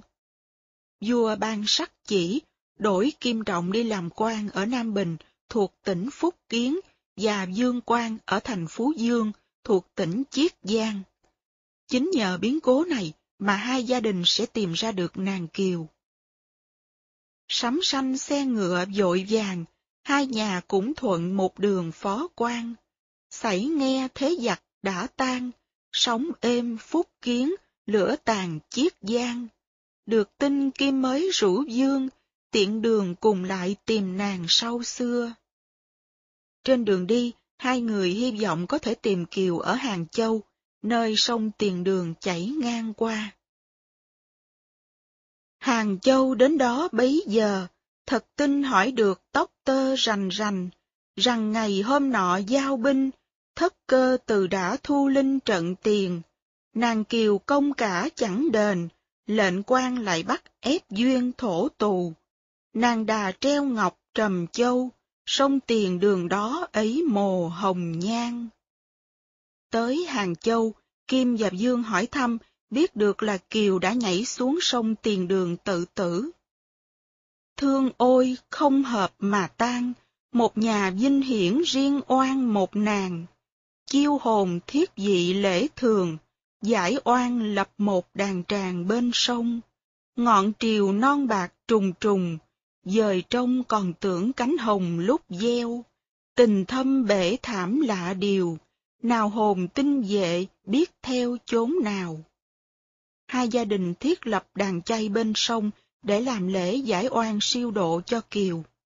Chú thích, chiêu hồn, gọi hồn, thiết dị, đặt bài dị đề tên người chết. Cánh hồng, hình ảnh Thúy Kiều như cánh chim hồng khi Kiều gieo mình tự tử. Phú Tào Thực, phiên nhược kinh hồng uyển nhược du long, nhẹ nhàng bay vút như chim hồng khi kinh hải, uyển chuyển mềm mại như con rồng khi lượn chơi, tả hình dáng nhẹ nhàng uyển chuyển của thần nữ sông Lạc. Theo tề đông giả ngữ, thương tâm kiều hạ xuân ba lục tầng thị kinh hồng chiếu ảnh lai, đau lòng khi thấy lớp sóng biếc dưới chân cầu, nơi đã từng có bóng con chim hồng kinh hải rọi xuống. Tinh vệ, giống chim nhỏ ở bãi biển, theo thuật dị ký, ngày xưa con gái Diêm đế chết đuối ở biển Đông, hóa ra chim tinh vệ, mỗi ngày ngậm đá ngã xuống lớp biển, tại vì biển này mà phải chết đuối. Đây là nói hồn oan của Thúy Kiều, hết chú thích. Cơ duyên đâu bỗng lạ sao, giác duyên đâu bỗng tìm vào đến nơi. Trông lên linh dị chữ bài, thất kinh mới hỏi những người đâu ta. Với nàng thân thích gần xa, người còn sao bổng làm ma khóc người. Không biết sư chị giác duyên hôm ấy có Phật sự gì, cho nên đã đi ngang qua chỗ làm chay. Cố nhiên là người tu, thấy đám chay, thì sư chị ghé vào xem thử, và do đó đã khám phá ra rằng đây là gia đình trạc tuyền đang cầu siêu cho sư em mình. Trong lòng sư chị có lẽ ngổn ngang nhiều tình cảm. Mừng rằng sư em mình sẽ được gặp gia đình, và cũng rất mừng khi mình có thể đem cho gia đình này một tin tức làm họ sửng sốt bất ngờ và tạo ra hạnh phúc khôn cùng. Đó là một mảnh tin làm chấn động cả gia đình Kiều. Nghe tin ngơ ngác rụng rời, xúm quanh kể họ rộn lời hỏi tra. Này chồng, này mẹ, này cha, này là em ruột, này là em dâu. Trong các buổi hát đúm, hát đối giữa hai bên nam nữ ở Việt Nam, có khi bên con gái hỏi bên con trai. Truyện Kiều anh đã thuộc lầu, đố anh kể được một câu sáu người. Nếu bên con trai giỏi thì họ sẽ hát, này chồng, này mẹ, này cha, này là em ruột, này là em dâu. Sáu người là chồng, Kim Trọng, mẹ, cha, em ruột, Thúy Dân và Dương Quang, em dâu, vợ Dương Quang. Còn nếu bên con trai im thinh thích, thì bên con gái họ sẽ cười khúc khích, cho đến khi bên trai chịu thua, họ mới đọc hai câu trên ra. Thật tin nghe đã bấy lâu, Pháp Sư dạy thế sự đâu lạ dường. Sư rằng nhân quả với nàng, lâm truy buổi trước, tiền đường buổi sau. Khi nàng gieo ngọc trầm châu, đón nhau tôi đã gặp nhau rước về. Cùng nhau nương cửa bồ đề, thảo am đó cũng gần kề chẳng xa. Chùa ở gần đây, nếu quý vị muốn thì tôi xin đưa quý vị tới để gặp Kiều ngay bây giờ. Nghe xong, mọi người thấy như từ địa ngục vừa được dớt lên thiên đường. Phật tiền ngày bạc lân la, đăm đăm nàng cũng nhớ nhà khôn khuây. Trong nguyên lục, sư chị Giác Duyên nói, Quý vị nhớ Thúy Kiều lắm phải không? Thúy Kiều cũng tỏ bày niềm nhớ thương quý vị lắm. Ở chùa, thỉnh thoảng Kiều cũng nhớ cha mẹ và các em. Nghe tin nở mặt nở mày, mừng nào lại quá mừng này nữa chăng? Từ phen chiếc lá lìa rừng, thăm tìm luống những liệu chừng nước mây. Rõ ràng hoa rụng hương bay, kiếp sau họa thấy kiếp này hẳn thôi. Minh dương đôi ngã chắc rồi, cõi trần mà lại thấy người cửu nguyên. Tưởng rằng kiếp sau mới mong thấy lại được nhau, mà bây giờ sư chị lại nói Kiều đang còn sống và ở gần ngay đây. Không có phép lạ nào hơn được phép lạ này. Cùng nhau lạy tạ giác duyên, bộ hành một lũ theo liền một khi. Bỏ chuông mỏ, bỏ cổ bàn, mọi người đi theo sư chị giác duyên. Đây là một đoạn rất vui. Bẻ lau dạch cỏ đi tìm, tình thâm luống hãy hồ nghi nửa phần. Đường về chùa mà phải bẻ lau, dạch cỏ mà đi, có lẽ đường chính hơi dài, vì thấy gia đình nôn nóng quá. Ni sư cũng muốn Kiều mừng, nên đã dẫn mọi người đi đường tắt. Tuy gia đình Kiều mừng như vậy, nhưng vẫn còn nghi, không dám mừng nhiều, sợ thất vọng. Đôi khi ni sư này lộn, lỡ đó là một người khác thì sao? Sự thật rõ ràng như vậy, nhưng ta vẫn không tin là sự thật. Ta nói, it is too good to be true. Không dám tin, vì sự thật đẹp quá. Chú thích, minh dương, cõi âm, minh là tối tâm, và cõi dương. Cửu nguyên, chính suối là cửu tuyền, nơi người chết ở. Giang Tân là bến sông, gian sông, hết chú thích. Quanh co theo dải Giang Tân, khỏi rừng lâu đã tới sân Phật đường. Đọc tới câu này, tôi có cảm tưởng rừng lâu là cái rừng có nhiều vấn đề, nhiều phiền não.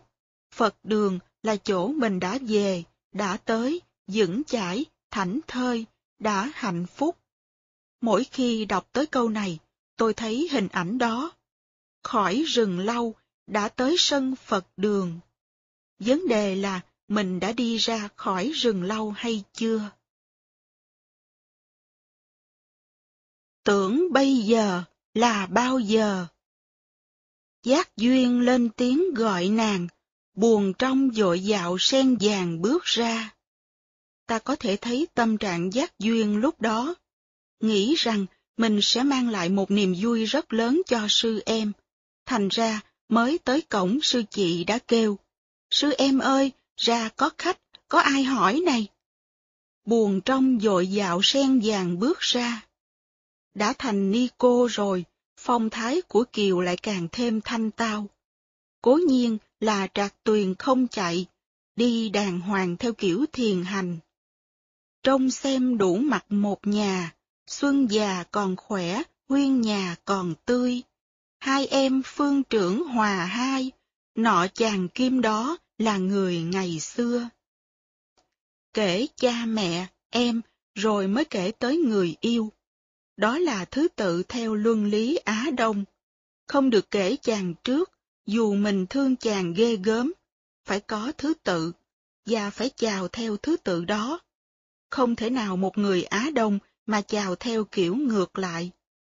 Một người Mỹ có thể tới ôm anh chàng trước. Nhưng một người Việt hay một người Hoa thì không thể nào làm như vậy. Đó là đảo lộn trật tự của mấy ngàn đời. Nọ chàng kim đó là người ngày xưa. Làm như phớt tỉnh ăn lê, hơi lạnh lùng. Kỳ thực, Á Đông bên ngoài là phải như vậy.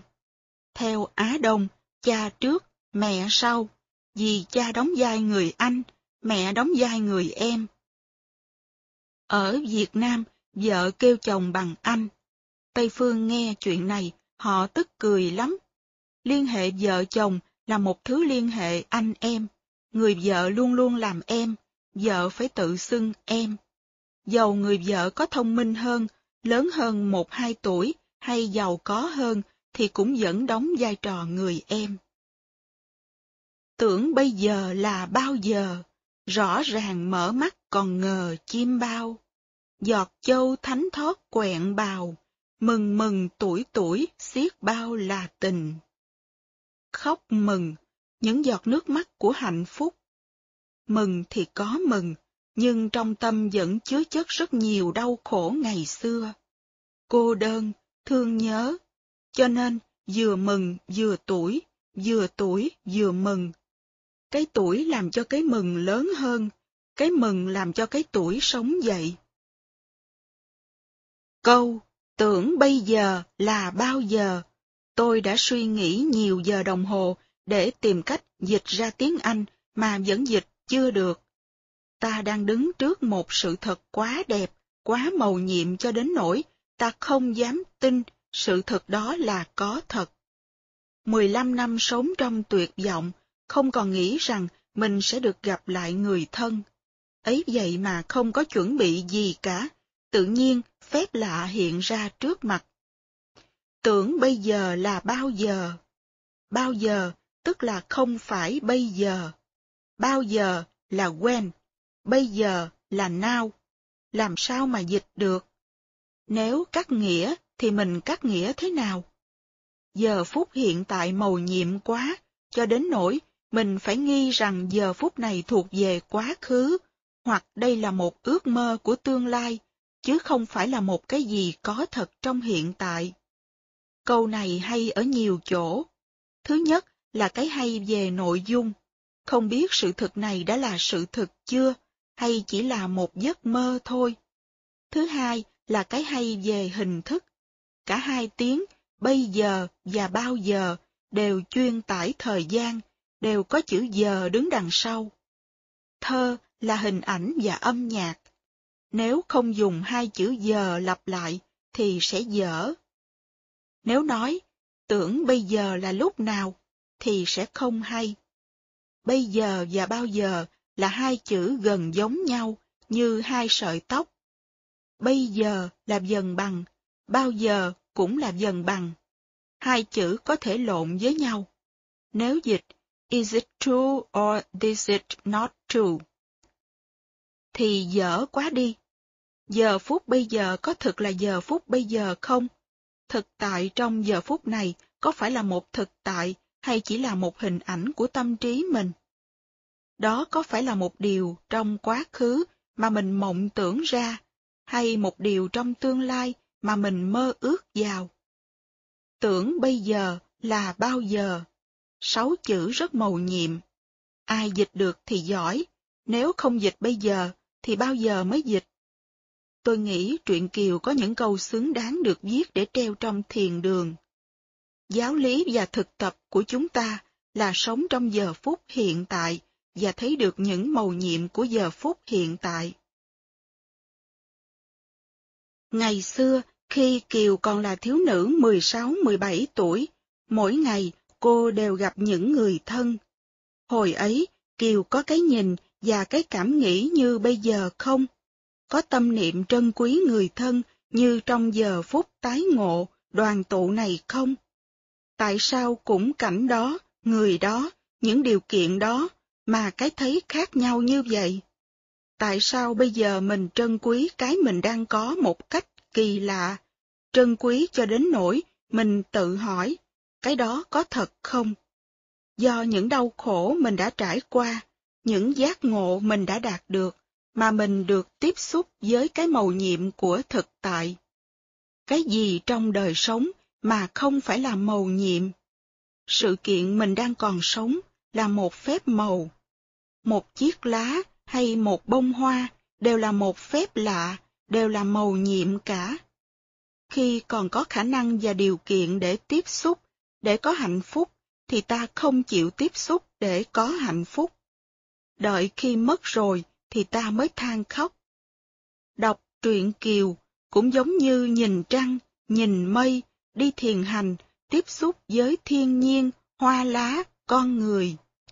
Nếu tâm ta sáng tỏ, nếu ta có năng lượng của chánh niệm, thì ta có thể nhận diện rằng tất cả những gì đang bao quanh ta đều là phép lạ rất mầu nhiệm. Chính thân thể, tâm hồn ta cũng là những hiện tượng hết sức mầu nhiệm. Tất cả những cái đó tác giả gọi là bây giờ. Trong sự sống, vì buồn đau, giận ghét, lo lắng mà chúng ta dày đạp lên cái bây giờ, loại cái bây giờ ra khỏi sự sống và không thấy được, không tiếp xúc được với những màu nhiệm. Chúng ta nhớ một câu tương tự cách đó 15 năm lúc Kim Trọng và Kiều được thực sự gặp nhau. Lúc đó, gia đình Kiều đi ăn sinh nhật bên ngoài. Kiều ở nhà, phá rào sang gặp Kim Trọng. Ở chơi vài tiếng đồng hồ, Kiều phải về xem gia đình về chưa. Thấy gia đình chưa về, thì lại tiếc, đi chui sang nhà Kim Trọng một lần nữa. Kim Trọng đang ngủ gật, thấy người yêu xuất hiện, Kim Trọng hỏi, đây là mộng hay thực? Kiều trả lời, bây giờ rõ mặt đôi ta, biết đâu rồi nữa chẳng là chim bao. Hạt giống tuệ giác trong Thúy Kiều lúc đó có chưa, chúng ta chưa bàn tới, nhưng chắc chắn là đã có trong tâm hồn thi sĩ. Vì vậy, đọc câu này, chúng ta không thể nào không nhớ đến câu trước. Nếu ta không sống tỉnh thức và sâu sắc giờ phút hiện tại, thì tất cả sẽ chỉ là một giấc chim bao. Tưởng bây giờ là bao giờ? Câu này có mang theo sự tội nghiệp. Vì khổ đau, vì ước mơ không thành tựu, ta chưa bao giờ được sống thật, chưa bao giờ có hạnh phúc thật cả. Cho nên bây giờ, thấy được hạnh phúc, thấy được mầu nhiệm, ta lại nghi, không biết có thật hay không. Kiều cũng phản ứng giống như gia đình Kiều khi nghe tin Kiều còn sống. Không dám tin vì sự thật đẹp quá. Về phương diện văn chương, đây là những lời cực tả niềm hạnh phúc của nhân vật. Về phương diện tâm lý, ý tứ câu này rất sâu sắc. Đã quen sống trong mộng, người ta không có khả năng tiếp xúc với bản thân của thực tại. Ta thường lẫn lộn mộng và thực. Khi cái thực tự hiển bày cho ta, thì ta không có khả năng tiếp xúc. Hồi đi thăm tu viện cấp cô độc, tôi có ngồi bên cạnh những bức tường đổ của cái thất ngày xưa bụt ở, mân mê những viên gạch. Một phái đoàn khảo cổ của Nhật đã đến đây xin phép đào xới, khai quật và làm phát hiện ra nền móng của những tu viện ngày xưa thiết lập trong giường kỳ đà. Tất cả đều đã đổ nát và bị phù sa che lấp, gai cỏ mọc đầy. Các nhà khảo cổ đã moi lên và trình bày lại tất cả. Có những thời gian, tu viện cấp cô độc rất hưng thịnh, các tu viện được xây sát nhau. Bây giờ khai quật ra, chúng ta biết chỗ nào là thiền đường, tăng xá và thực đường. Tuy tất cả đều bị đổ nát, nhưng móng của những bức tường vẫn còn, nên ta có thể thấy rất rõ cách bố trí phòng ốc của các tu viện. Những giai đoạn hưng thịnh của tu viện cấp cô độc là những lúc các thầy tu học có hạnh phúc, tiếp xúc được với Bụt, Pháp và Tăng. Nhưng những giai đoạn đó không kéo dài được mãi mãi. Nhìn vào một vùng đất hoang vu cỏ mọc, chúng ta đâu thể tưởng tượng ngày xưa nơi này đã từng hưng thịnh như vậy. Chúng ta hãy nhắm mắt lại và tưởng tượng làng mai một trăm năm về sau. Chúng ta thấy gì? Có thể ta không thấy sư chị, sư anh, sư em, sư tổ, không thấy thầy, không thấy gì hết. Chỗ này có thể trở thành một siêu thị. Bây giờ, trong giây phút hiện tại, chúng ta có sư anh, sư chị, sư em đang ngồi với ta. Có thầy đang ngồi giảng, có nước trà để uống, có đường để đi thiền hành, có bàn tay để nắm tay người bạn, có hai mắt để nhìn và nhận diện ra đó là người anh, người chị, người em của mình. Chúng ta có đang làm chuyện đó hay không? Hay chúng ta đợi một trăm năm sau, để rồi thấy những điều có thể xảy ra chỉ là chuyện đã xảy ra trong một giấc chiêm bao mà thôi. Đưa tay ra chạm vào tay người bên cạnh một chút xíu để coi thử đó là thật hay giả. Chúng ta có khả năng làm chuyện đó hay không?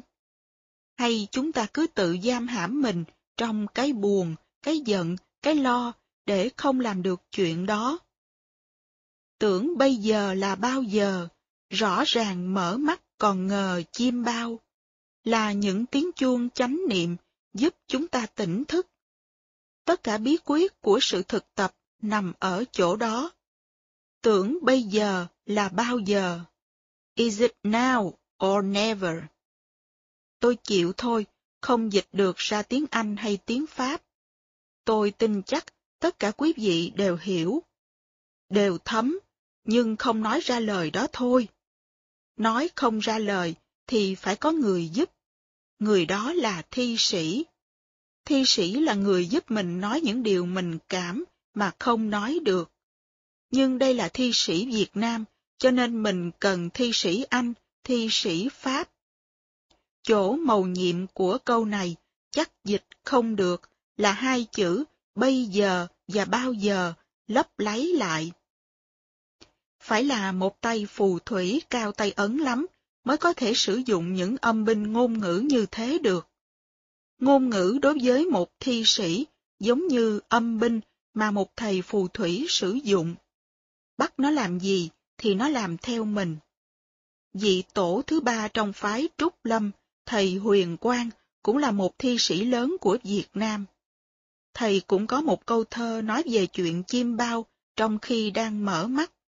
Đó là bài Ngủ trưa trên núi. Nghe tổ cũng ngủ trưa, chúng ta thấy khỏe trong người quá phải không? Tổ ngủ trưa, thì tại sao mình không được ngủ trưa? Vũ quá sơn khê tỉnh, phong lâm nhất tháp lương, phản quan trần thế giới, khai nhãn túy mang mang. Cơn mưa đã qua rồi, khe nước trong núi im lặng, rừng phong ngủ một giấc mát, nhìn lại thế giới bụi bặm bên dưới, mắt mở nhưng vẫn say như thường. Tôi dịch, mưa tạnh khe núi tỉnh, ngủ mát giữa rừng phong, nhìn lại cõi nhân thế, mắt mở vẫn say nồng. Mắt mở nhưng vẫn say như thường. Rõ ràng mở mắt còn ngờ chim bao. Lối sống đó người ta gọi là sống say chết mộng, túy sinh mộng tử. Đạo lý của nhà Phật là sống tỉnh thức, phải mở mắt. Mở con mắt tuệ, con mắt chánh niệm, chứ không phải mở con mắt thịt. Mở con mắt thịt thì có thể vẫn còn mê. Mở con mắt chánh niệm thì lúc đó mình thật sự tiếp xúc được với những màu nhiệm của sự sống. Bụt có khi được gọi là con mắt tuệ. Ngày Bụt nhập diệt, có một số thầy khóc. Trong những lời khóc than có câu, Đức Thế Tôn không còn nữa, con mắt của thế gian không còn nữa. The eye of the world is not longer there. Con mắt của thế gian là Bụt. Con mắt này là con mắt trí tuệ tỉnh thức. Bụt được diễn tả như con mắt của cuộc đời, tức là cái thấy tỉnh thức của cuộc đời. Nếu có con mắt đó, thì mới không túy mang mang, không mê ngủ nữa. Tái sinh trần tạ ân người từ bi. Huyên già dưới gối gieo mình, khóc than mình kể sự tình đầu đuôi. Kiều chạy lại ôm mẹ khóc, không ôm cha mà ôm mẹ, vì với người con gái, người mà mình có thể gần gũi, có thể tiếp xúc về thân thể dễ dàng nhất là mẹ. Trong đây, chúng ta thấy rất rõ những đặc tính của văn hóa Á Đông. Một người con gái Mỹ, sau khi bị xa cách người yêu 15 năm, sẽ không làm như vậy, mà sẽ tới ôm anh chàng trước. Nhưng cô Kiều là người Việt, vì vậy cô phải tới ôm mẹ. Giữa mẹ và con gái có tình bạn, họ dễ tâm sự với nhau. Vì vậy, ôm mẹ để kể chuyện đau khổ của mình là dễ nhất. Từ con lưu lạc quê người, bèo trôi sóng dỗ chốc mười lăm năm, tính rằng sông nước cát lầm, kiếp này ai lại còn cầm gặp đây. Ông bà trong mặt cầm tay, dung quan chẳng khác chi ngày bước ra, bấy chày giải nguyệt dầu hoa, mười phần xuân có gầy ba bốn phần. Chú thích, sông nước cát lầm, nước sông, cát làm dẫn đục, lầm là dẫn đục, ý cả câu, cứ tưởng Kiều đã bỏ mình dưới sông tiền đường. Hai ông bà ngắm con gái. Đi qua 15 năm, sự giả dầu không làm cho Kiều mất phong độ. Có ốm, có già đi chút ít, nhưng vẫn còn tươi, còn xinh. Mười phần xuân có gầy ba bốn phần.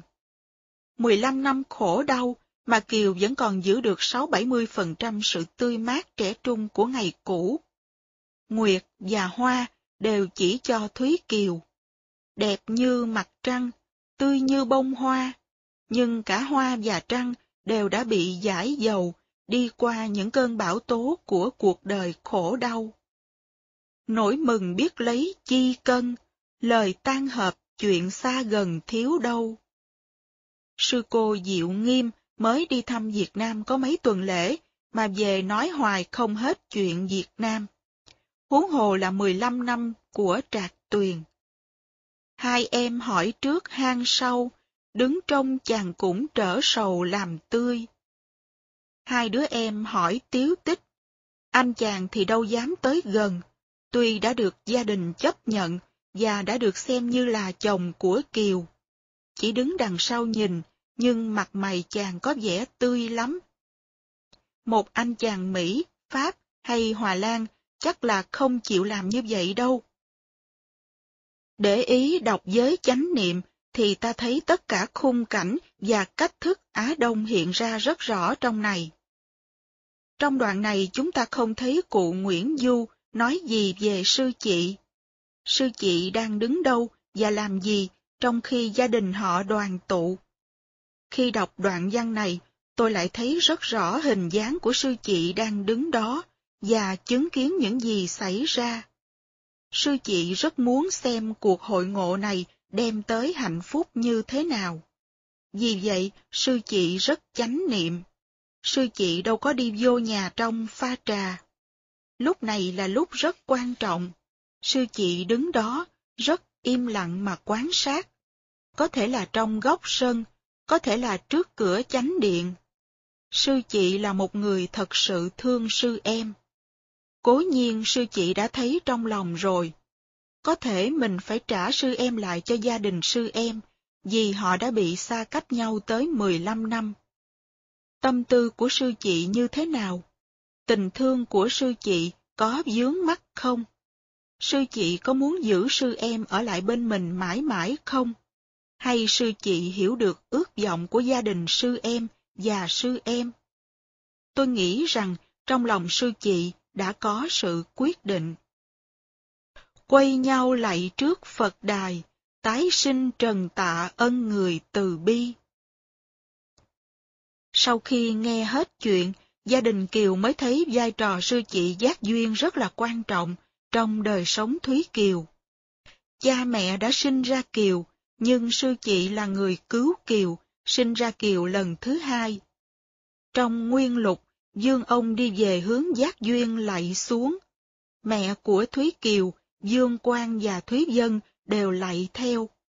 Cố nhiên, chàng Kim cũng phải làm như vậy thôi, tăng thân mà. Nhưng Nguyễn Du đã sửa lại chút đỉnh. Cụ nói lạy bụt. Cụ muốn bụt và sư chị cùng trở thành đối tượng của sự biết ơn đó. Lạy bụt tức là cũng lạy sư chị. Ở đây, sự cung kính đẹp hơn. Tái sinh trần tạ ân người từ bi. Người chết rồi mà làm cho sống lại thì gọi là tái sinh. Đó là phận sự của sư chị hoặc sư anh. Là người tu thì phải biết cứu người. Giọt nước cam lộ của bụt có thể làm cho một người chết sống lại được. Giọt nước cam lộ trên cành dương liễu của Đức Bồ Tát Quan Thế Âm tưới xuống một cành cây khô, thì cành cây đó trở nên xanh tươi mọc lá trở lại. Sái khô mộc nhi tác phùng xuân. Người tu phải đạt cho được phép lạ đó. Phải có giọt nước từ bi để làm sống dậy những gì đã khô héo và chết đi vì đau khổ. Chữ người từ bi, cụ Nguyễn Du dùng có thể chỉ cho bụt, mà cũng có thể chỉ cho sư chị. Tùy quý vị chọn lựa. Trong nguyên lục thì nói rất rõ ràng là quay lại lạy sư chị. Cụ Nguyễn Du gần gũi với mình hơn. Dầu sao cũng có bụt ở trên, và sư chị dù sao cũng chỉ là học trò của bụt. Sư chị cứu được mình, tức là bụt cứu mình.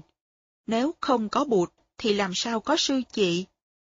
Lạy xuống Phật đài để tạ ơn bụt và tạ ơn sư chị. Đó là chuyện rất hay, rất đúng.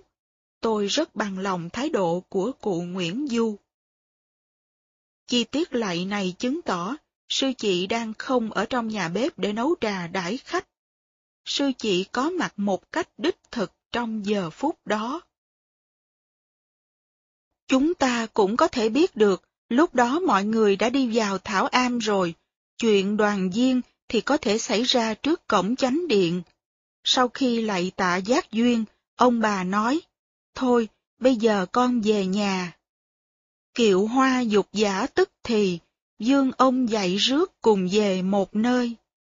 Cố nhiên ban đầu Trạc Tuyền không muốn đi về. Sư cô muốn tiếp tục tu vì sư cô đang có hạnh phúc. Trạc Tuyền nói, con đi tu rồi, làm sao về nhà được.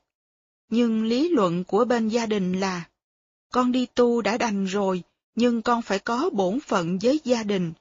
Con là một người con, một người tình, con phải trả cái nợ đó. Ở đây, một câu hỏi được đặt ra, người tu làm sao để trả nợ gia đình và xã hội? Đây là một chủ đề rất hay. Chúng ta sẽ tiếp tục ở đoạn sau. Ta sẽ thấy phản ứng của sư chị và của Kiều.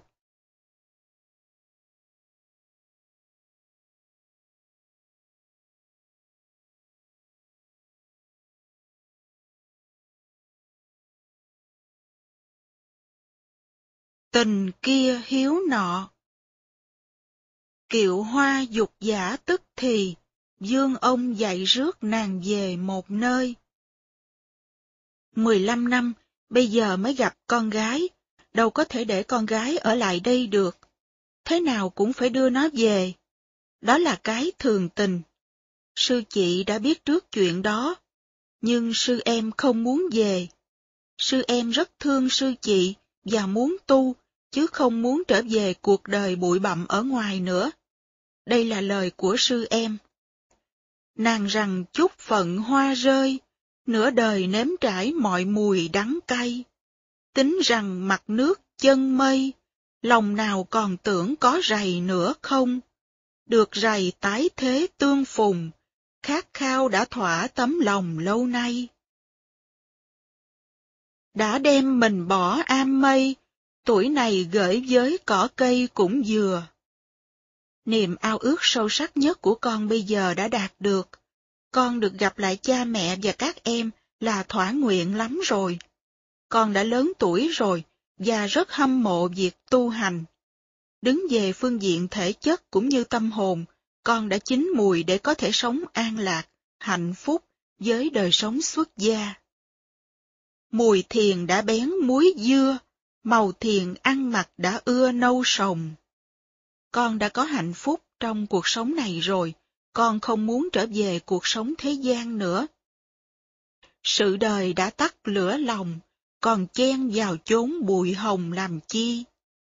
Những phiền não, dục vọng, tham sân si, danh lợi không còn trong lòng con nữa, thì con trở về chốn bụi bặm làm chi? Lửa lòng ở đây là phiền não, affliction. Không có lửa dục, lửa tham, lửa sân nữa thì gọi là tắt lửa lòng. Nhưng đã có một thứ lửa khác nhen nhấm, đó là lửa tam muội, lửa từ bi. Đây là một sức sống mới. Còn chen vào chốn bụi hồng làm chi? Sự thật là như vậy. Nếu muốn lấy chồng thì có người chồng nào xứng đáng bằng Từ Hải không? Nếu muốn danh vọng, thì có thứ danh vọng nào lớn hơn danh vọng của một vị đại phu nhân không? Thúy Kiều đã nếm hết tất cả những cái đó rồi, và đã thấy những cái đó không đáng để cho mình phải bận tâm. Vậy thì, còn gì trong cuộc đời Kiều mong muốn nữa? Đây là những câu nói rất thật. Dở dang nào có hay gì, đã tu, tu trót, qua thì, thì thôi. Chúng ta nên biết rằng, thời gian truyện phong tình lục được viết chưa có đạo Phật hiện đại hóa, chưa có đạo Phật đi vào cuộc đời. Người ta vẫn nghĩ rằng giữa hai nếp sống xuất gia và tại gia không có gạch nối liên hệ. Đi tu là hoàn toàn khác, không dính líu gì tới cuộc đời. Chúng ta bây giờ có cái nhìn khác. Vì cuộc đời cần nên chúng ta mới đi tu. Nếu tu đàng hoàng và thành công thì chúng ta có thể giúp được đời. Trước hết là giúp gia đình của chúng ta. Trùng sinh ân nặng bể trời, lòng nào nở dứt nghĩa người ra đi. Lý do thứ nhất là con muốn tu, con đã có hạnh phúc trong đời sống tu học. Lý do thứ hai là con thương sư chị con. Cha mẹ đã sinh con ra lần thứ nhất. Sư chị đã sinh ra đời sống tâm linh và giải thoát của con. Cái nghĩa đó con muốn báo đền, con muốn ở với sư chị. Rất dễ thương, giải thoát cũng có, mà tình nghĩa cũng có, đủ hết. Tóm lại, những lý luận của Thúy Kiều không phải chỉ là lý luận, nó là sự thật trong lòng Kiều. Người cha lúc đó mới dùng lý luận ngoài đời để phản công lại. Con còn có bổn phận với gia đình và với người yêu. Con đã hứa với người ta, bây giờ con đâu có thể làm ngơ dễ dàng như vậy được. Những người trong gia đình thuộc về phe đa số. Phải cứng cáp lắm và phải có tăng thân họa may mình mới địch lại nổi. Ông rằng, bỉ thử nhất thì, tu hành thì cũng phải khi tòng quyền. Thử là cái này, bỉ là cái kia, nhất thì là có khi. Cái này có liên hệ tới cái kia. Khi thì phải thế này, khi thì phải thế kia. Tu hành thì tu chứ ai cấm, nhưng mình phải biết linh động, tòng quyền. Chữ quyền đi với chữ kinh, kinh quyền. Kinh là con đường thẳng, có những nguyên tắc, cứ theo đúng như vậy mà làm là được. Quyền là linh động trong những trường hợp đặc biệt. Phải điều cầu Phật cầu tiên, tình kia hiếu nọ ai đền cho đây. Độ sinh nhờ đức cao dày, lập am rồi sẽ rước thầy ở chung tu để thành Phật, thành tiên, chuyện đó tốt lắm, cha cũng đồng ý. Nhưng vấn đề hiếu và tình là bổn phận của con người, con cũng phải giải quyết những vấn đề ấy chứ. Đối với gia đình, con phải có bổn phận. Đối với người mà con đã thề nguyền, con phải giải quyết. Cha đâu có cấm con tu, nhưng mà con phải làm xong những chuyện đó rồi, thì con mới tu được. Nếu con nghĩ rằng con có ân nghĩa với sư chị, thì sau này mình sẽ làm một ngôi chùa cho đàng hoàng, rồi mời sư chị tới tu chung có phải vui hơn không? Không biết ông có nghĩ thiệt như vậy không, hay chỉ cốt để an ủi Kiều chấp nhận về nhà? Chúng ta nên biết, ở Trung Hoa và Việt Nam, quan niệm hiếu và tình rất quan trọng. Rất nhiều nhà nho công kích đạo Phật là những người xuất gia không biết tình, không biết hiếu, bỏ bê bổn phận đối với gia đình, xã hội, quốc gia. Bên đạo Phật, người ta phải tìm cách trả lời. Chúng tôi đi tu không phải là không đáp ứng những bổn phận đó. Ở đây cùng một vấn đề, khi được đặt trước một hoàn cảnh như vậy, chúng ta không thể nào không giải quyết được. Nói, thôi, ba má và hai em về đi, con nhất định ở đây thôi, thì không được. Đứng vào trường hợp này, chúng ta thấy cũng khó lắm. Có lẽ trong Kiều có một ý định là về thì về, giải quyết xong thì sẽ trở lại cuộc sống tu hành. Lúc bấy giờ, Kiều không có ai hết, rất đơn côi. Sư chị thì không nói. Sư chị tuy thương lắm, nhưng chỉ đứng đó thôi. Sư chị là người có thương yêu, có hiểu biết. Sư chị không có ý niệm muốn tranh đoạt để giữ Kiều cho riêng mình. Trạc Tuyền biết rất rõ sư chị đang đứng đó và đã chứng kiến tất cả những gì đang xảy ra. Tôi chắc lúc này Trạc Tuyền đã ngước đầu lên nhìn sư chị để cầu cứu hay ít nhất là để hỏi. Tôi thấy rất rõ sư chị đang gật đầu nói. Em đi đi, em phải về, chị có đức tin ở em. Vì vậy, Trạc Tuyền đã đồng ý đi về với gia đình để lo giải quyết vấn đề. Bên kia, sau 15 năm mới tìm được Thúy Kiều, không có lý gì, chỉ được thăm hỏi chút xíu, rồi phải đi về. Phải kéo Kiều về chứ. Nghe lời nàng phải chiều lòng, giả sư giả cảnh đều cùng bước ra. Tôi nghĩ cùng đi tới Am, ngoài gia đình của Thúy Kiều, còn có một vài gia nhân hầu hạ của hai ông quan mới, Kim Trọng và Dương Quang. Thế nào những người này cũng đã được phái đi đem võng lọng tới trước. Bây giờ, có phương tiện chuyển vận, họ đi đường đàng hoàng, chứ không còn phải đi tắt trong rừng lâu nữa. Trời còn để có hôm nay.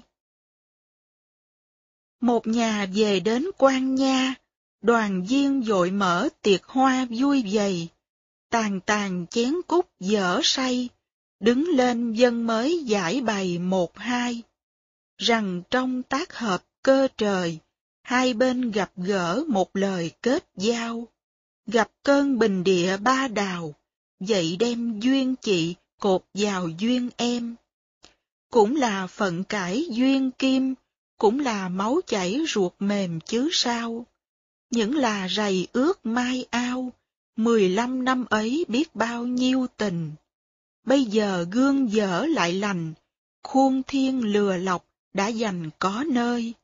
Còn duyên may lại còn người, còn dần trăng bạc, còn lời nguyền xưa. Quả mai ba bảy đương dừa, đào non sớm dội xe tơ kịp thì. Chú thích, bình địa ba đào, đất bằng nổi sóng, ý nói những bất trắc xảy ra trong đời người ta. Phận cải duyên kim, ý nói duyên phận kết hợp với nhau, như hột cải bị hổ phách hút, cái kim bị từ thạch, tức nam châm hút. Chữ Hán có câu, hổ phách thập giới, nghĩa là hổ phách hút hột cải, và từ thạch dẫn chậm, nghĩa là đá từ thạch hút kim. Máu chảy ruột mềm, bên này khổ thì bên kia khổ, bên này hạnh phúc thì bên kia hạnh phúc. Gương dở lại lành, nói việc nối lại được tình xưa nghĩa cũ, tình vợ chồng đã tan, nay lại hợp. Khuôn thiên là ông trời, lừa lọc là sắp đặt, đã đành có nơi, còn để cho mình cơ hội. Quả mai ba bảy đương dừa, ý nói Thúy Kiều đã luống tuổi, nhưng lấy chồng vẫn chưa muộn. Bài thơ phiếu mai, mai rụng trong kinh thi, sách ghi chép những câu ca dao của Trung Quốc, có câu phiếu hữu mai kỳ thực thất hề, cầu ngã thứ sĩ đãi kỳ các hề, phiếu hữu mai kỳ thực tam hề, cầu ngã thứ sĩ đãi kỳ câm hề. Mùa xuân sắp qua, quả mai rụng, mười phần còn bảy thôi. Kể đã muộn rồi, vậy những trai lành ai muốn lấy ta, liệu chọn ngày tốt mà làm lễ cưới đi thôi. Mùa xuân sắp qua, quả mai rụng, mười phần còn có ba thôi. Kể đã muộn rồi, vậy những trai lành ai muốn lấy ta, nên kiếp ngay lúc này mà xin làm lễ cưới đi thôi. Quả mai ba bảy đương dừa ý nói, mai rụng nhưng vẫn còn mai, vẫn còn thì giờ để làm đám cưới. Đào non, tức là yêu đào, gốc ở câu kinh thi, đào chi yêu yêu là cây đào đương non, dùng để dí người con gái mới đến tuổi lấy chồng. Hết chú thích. Cô này cũng văn chương dữ. Trong tiệc đoàn viên, Thúy Dân đứng lên đề nghị làm đám cưới cho hai người. Chuyện này không phải do ông bố, bà mẹ, Dương Quang hay Kim Trọng khơi ra. Chính Thúy Dân đứng dậy khơi ra. Bởi vì Thúy Dân đứng ở địa vị thuận lợi hơn những người khác để làm việc này. Thúy Dân đang là chủ nhân của Kim Trọng, và đây là một xã hội đa thê. Thúy Kiều nghe xong thì nói, thôi đi cô. Dứt lời nàng dội gạt đi, sự muôn năm cũ kể chi bây giờ. Một lời tuy có ước xưa, xét mình giải gió dầu mưa đã nhiều. Nói càng hổ thẹn trăm chiều, thà cho ngọn nước thủy triều chảy xuôi. Anh chàng lúc đó mới tấn công, can thiệp vào. Chàng rằng, nói cũng lạ đời, dẫu lòng kia vậy, còn lời ấy sao? Một lời trót đã thâm giao, dưới dày có đất, trên cao có trời. Dẫu rằng vật đổi sao dời, tử sinh cũng giữ lấy lời tử sinh. Duyên kia có phụ chi tình, mà toan chia gánh chung tình làm hai. Mỗi lời mình nói ra đều có sự chứng kiến của trời cao đất dày. Lời hứa của mình là lời hứa sống chết. Dù sự vật có thay đổi, dù sao trên trời có dời đi chỗ khác, mình vẫn giữ lấy lời của mình như thường. Anh đã làm lỗi gì, để bây giờ em lại nói như vậy? Đây là lý luận của Kiều. Nàng rằng gia thất duyên hài, chúc lòng ân ái ai ai cũng lòng. Không ai là không nghĩ tới và mơ ước chuyện lứa đôi, nhưng nghĩ rằng trong đạo vợ chồng, hoa thơm phong nhị, trăng vòng tròn gương, chữ trinh đáng giá nghìn vàng, đuốc hoa chẳng thẹn với chàng mai xưa. Thiếp từ ngộ biến đến giờ, ông qua bướm lại đã thừa xấu xa. Bấy giày gió táp mưa xa, mấy trăng cũng khuyết, mấy hoa cũng tàn. Còn chi là cái hồng nhan, đã xong thân thế còn toan nổi nào. Trong đạo vợ chồng, sự trong sáng nguyên vẹn của người vợ là rất quan trọng.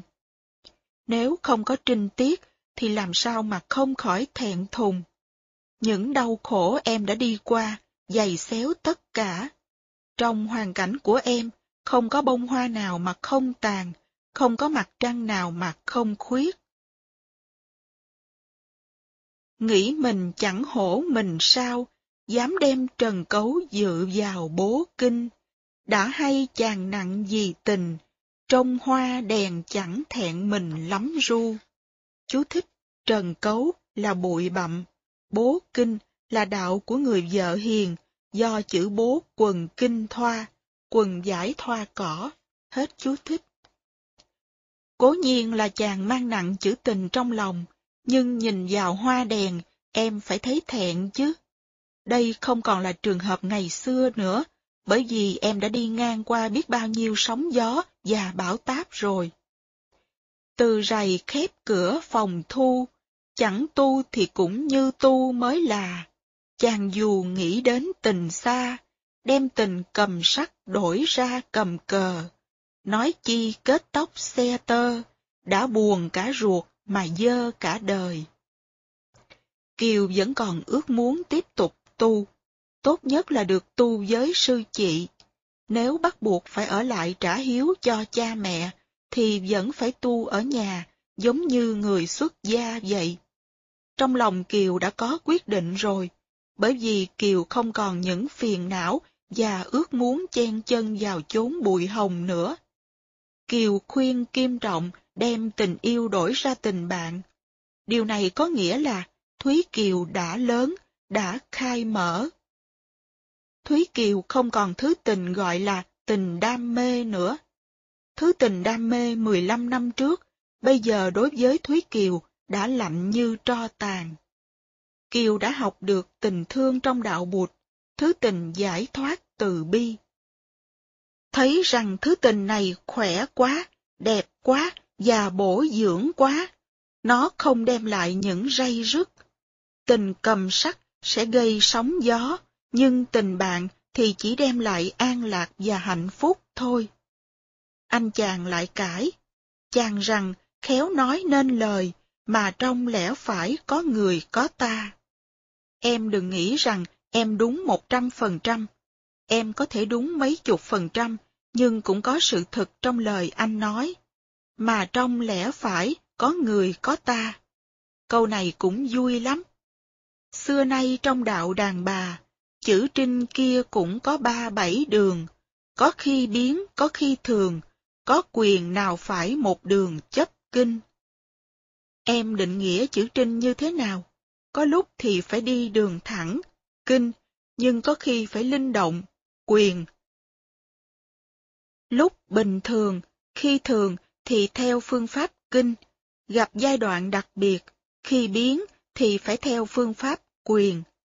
Lý luận này giống hệt như lý luận của ông bố vợ.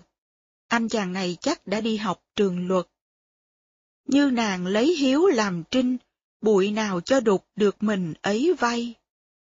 Cái trinh của em là cái trinh làm bằng chất liệu hiếu. Vì hiếu nên em phải bán mình, đi vào con đường kia. Cho nên đối với anh, em vẫn còn hoàn toàn trong trắng. Nói cũng khéo lắm, anh này rất có tài năng của một trạng sư.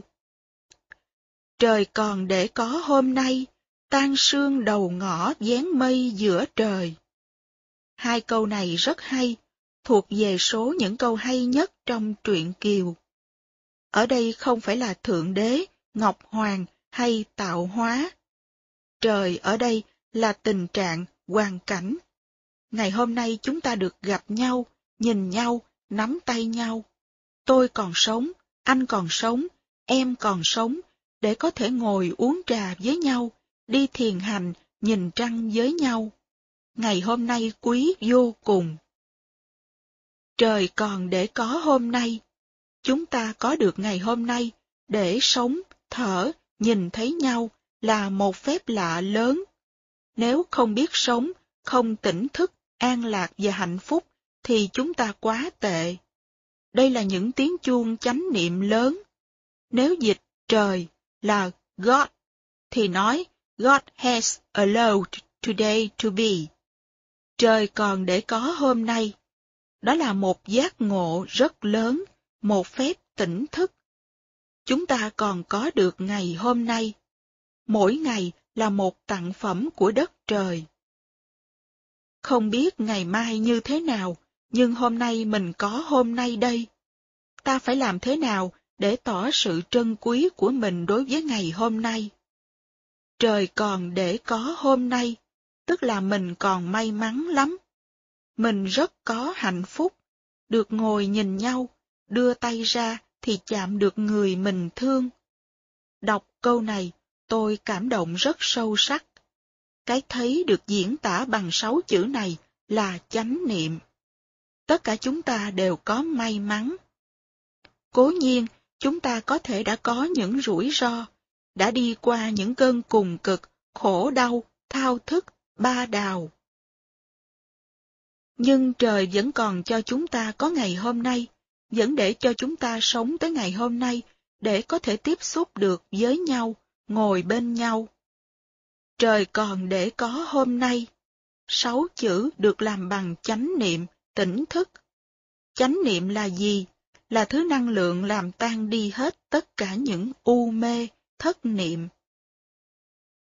Tan sương đầu ngõ, dán mây giữa trời. Câu thứ hai này cũng rất màu nhiệm. Cái ngõ mình đi ra, vào buổi sáng có thể có sương mù, không cho mình thấy được đường. Nhưng bây giờ sương đã tan rồi. Mình thấy gì khi tan sương đầu ngõ? Mình thấy những bông hoa. Khi mây dán ra ở giữa trời, thì mình thấy gì? Thấy trăng. Những đau khổ mình đã đi qua, cái đường hầm tối đen đó, kéo dài 15 năm, mình nói rằng hoa nào mà không khuyết, trăng nào mà không tàn. Mấy trăng cũng khuyết, mấy hoa cũng tàn. Ấy vậy mà, trời còn để có hôm nay. Khi mình thức tỉnh ra được, thấy được điều này, thì tan sương đầu ngõ dán mây giữa trời. lại thấy hoa và trăng trở lại. Hay như vậy đó. Sự thật là chúng ta còn có ngày hôm nay. Nếu chúng ta tiếp xúc được với cái hôm nay màu nhiệm, thì cũng có nghĩa là những u mê, thất niệm, những trở lực thuộc tham sân si kia đều được dán ra. Tưởng là hoa tàn, ai dè hoa còn tươi hơn bất cứ lúc nào hết. Trời còn để có hôm nay. Tiếp xúc được điều đó thì hoa tàn mà lại thêm tươi, trăng tàn mà lại hơn mười rằm xưa. Mình đã chuyển hóa được khổ đau. Những khổ đau trong quá khứ 15 năm đã trở thành có ích lợi. Rác đã trở thành hoa. Và dù mình có phải khổ trong 10 năm, 20 năm hay 30 năm đi nữa, mà nếu mình giác ngộ được rằng trời còn để có hôm nay, thì mình đã không có gì mất hết. Trái lại, hoa còn tươi, trăng còn sáng hơn xưa. Có điều chi nữa mà ngờ, khách qua đường để hững hờ chàng tiêu. Nghe chàng nói đã hết điều, hai thân thì cũng quyết theo một bài. Chú thích, chàng tiêu là tiêu lan. Thơ của Thôi Giao đời đường có câu, hầu môn nhất nhập thâm như hải, tổng thử tiêu lan thị lộ nhân. Cửa hầu vào đấy sâu như biển, từ đó chàng tiêu khách qua đường. Lấy điển vợ tiêu lan tên là Lục Chân, bị bắt dân cho quách tử nghi. Từ đó tiêu lan thấy vợ, không dám nhận, cứ phải dững dưng như người khách qua đường. Hết chú thích. Anh chàng là trạng sư mà. Cả nhà về phe kim một trăm phần trăm, bắt Kiều phải làm đám cưới với anh chàng cho được. Sư chị ở đâu mà không tới giúp em?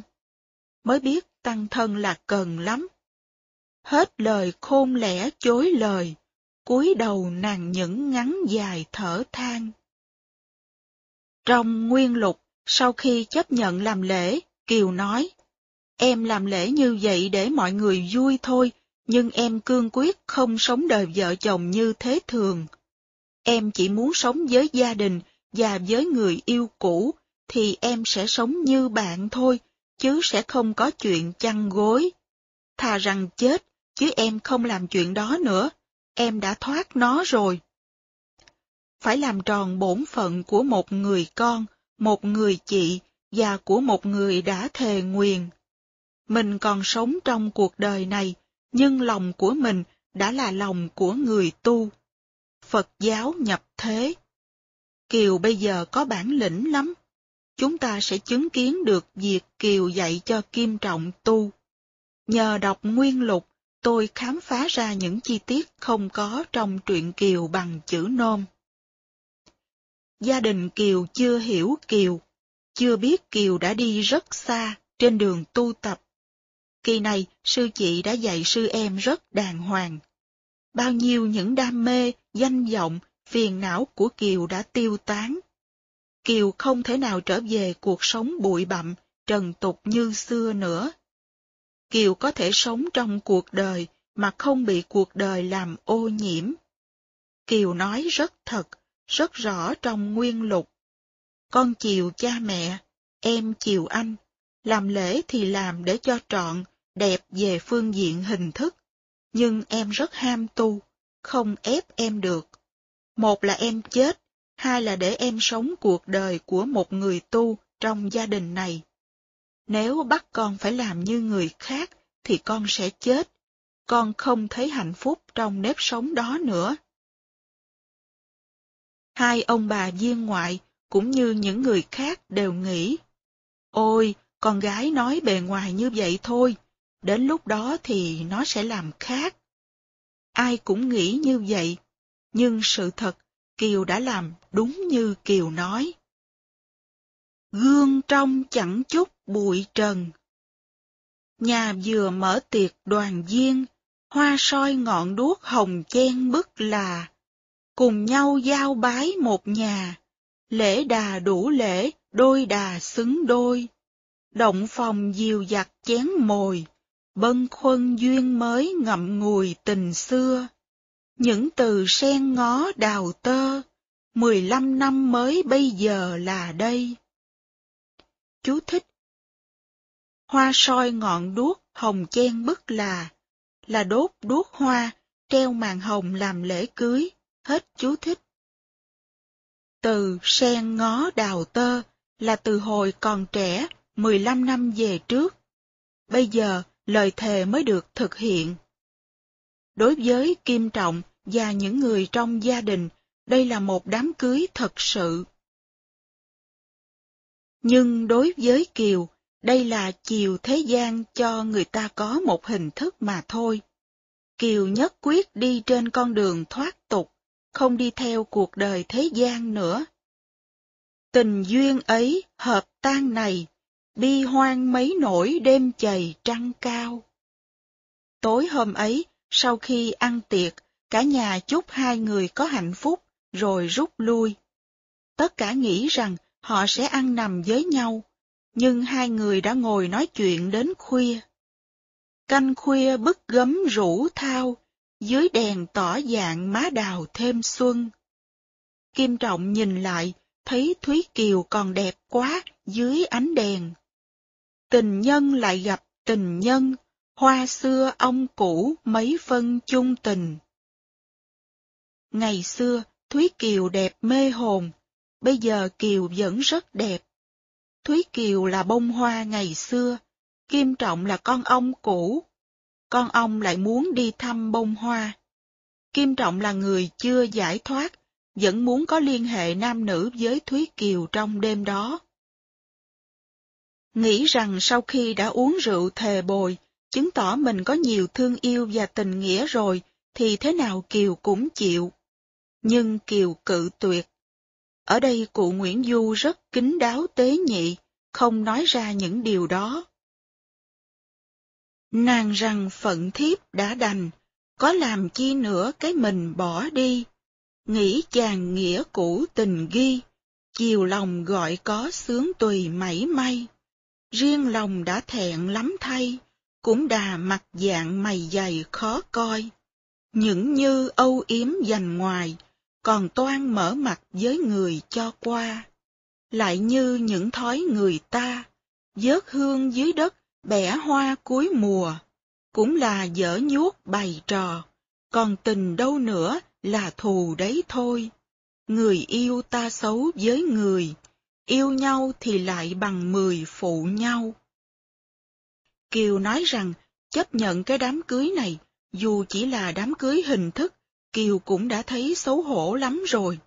Còn nếu phải làm chuyện đó, thì thà Kiều chết đi mà còn đẹp hơn. Lý do của Kiều là hai người không còn xứng đôi nữa. Nếu Kiều chấp nhận làm việc đó với Kim Trọng, tức là Kiều không đối xử đẹp với Kim Trọng. Cái tình của hai người sẽ mất đẹp đi, và chỉ còn lại sự bẻ bàn thù nghịch. Một lý do khác là Kiều đã tu, đã nếm được mùi tịnh lạc và thấy hạnh phúc chân thật là như thế nào rồi, thì không thể trở về chuyện đó được.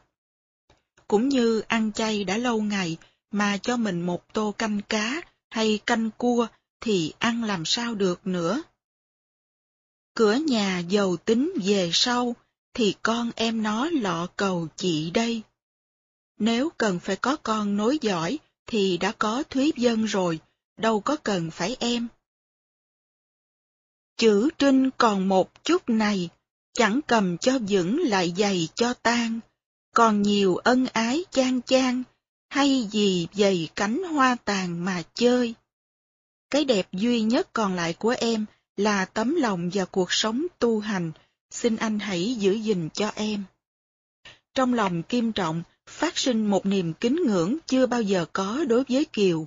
Kim Trọng nói, chàng rằng gắn bó một lời, bỗng không cá nước chim trời lỡ nhau, xót người lưu lạc bấy lâu, tưởng thề thốt nặng cũng đau đớn nhiều. Thương nhau sinh tử đã liều, gặp nhau còn chút bấy nhiêu là tình. Chúng ta đã thề thốt với nhau và phải xa nhau, vì thương mà liều sống chết để tìm nhau. Gặp nhau là cũng chỉ mong được thấy nhau bình yên thôi. Chừng xuân tơ liễu còn xanh, nghĩ rằng chưa thoát khỏi dành ái ân, gương trong chẳng chút bụi trần, một lời quyết hẳn muôn phần kính thêm. Anh tưởng em còn trẻ, thì em cũng như những người con gái khác, nhưng anh nhận ra rằng tâm hồn em rất trong sáng, không dướng một hạt bụi nào cả. Càng nghe em nói, anh càng kính phục em thêm. Bấy lâu đáy bể dò kim, là nhiều vàng đá phải tìm trăng hoa. Lâu nay, anh đi tìm em là vì lời thề vàng đá, chứ đâu phải là để tìm chuyện chăn gối.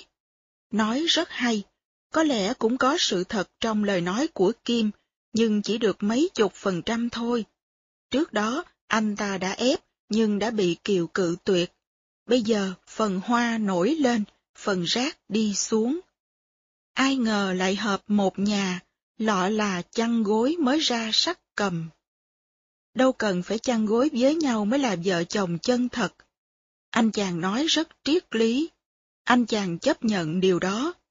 Nếu Kim Trọng là một người vũ phu, thì chàng đâu đã nghe được những điều Thúy Kiều nói. Ép thì hư hết.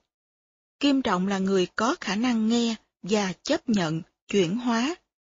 Chúng ta cũng thấy trong Thúy Kiều có khả năng của Đức Quán Thế Âm đi vào cuộc đời để dìu dắt người ta đi về hướng giải thoát. Nghe lời sửa áo cài trâm, khấu đầu lạy tạ cao thâm nghìn trùng, thân tàn gạn đục khơi trong, là nhờ quân tử khác lòng người ta. Chàng là người rất đặc biệt, không phải tầm thường.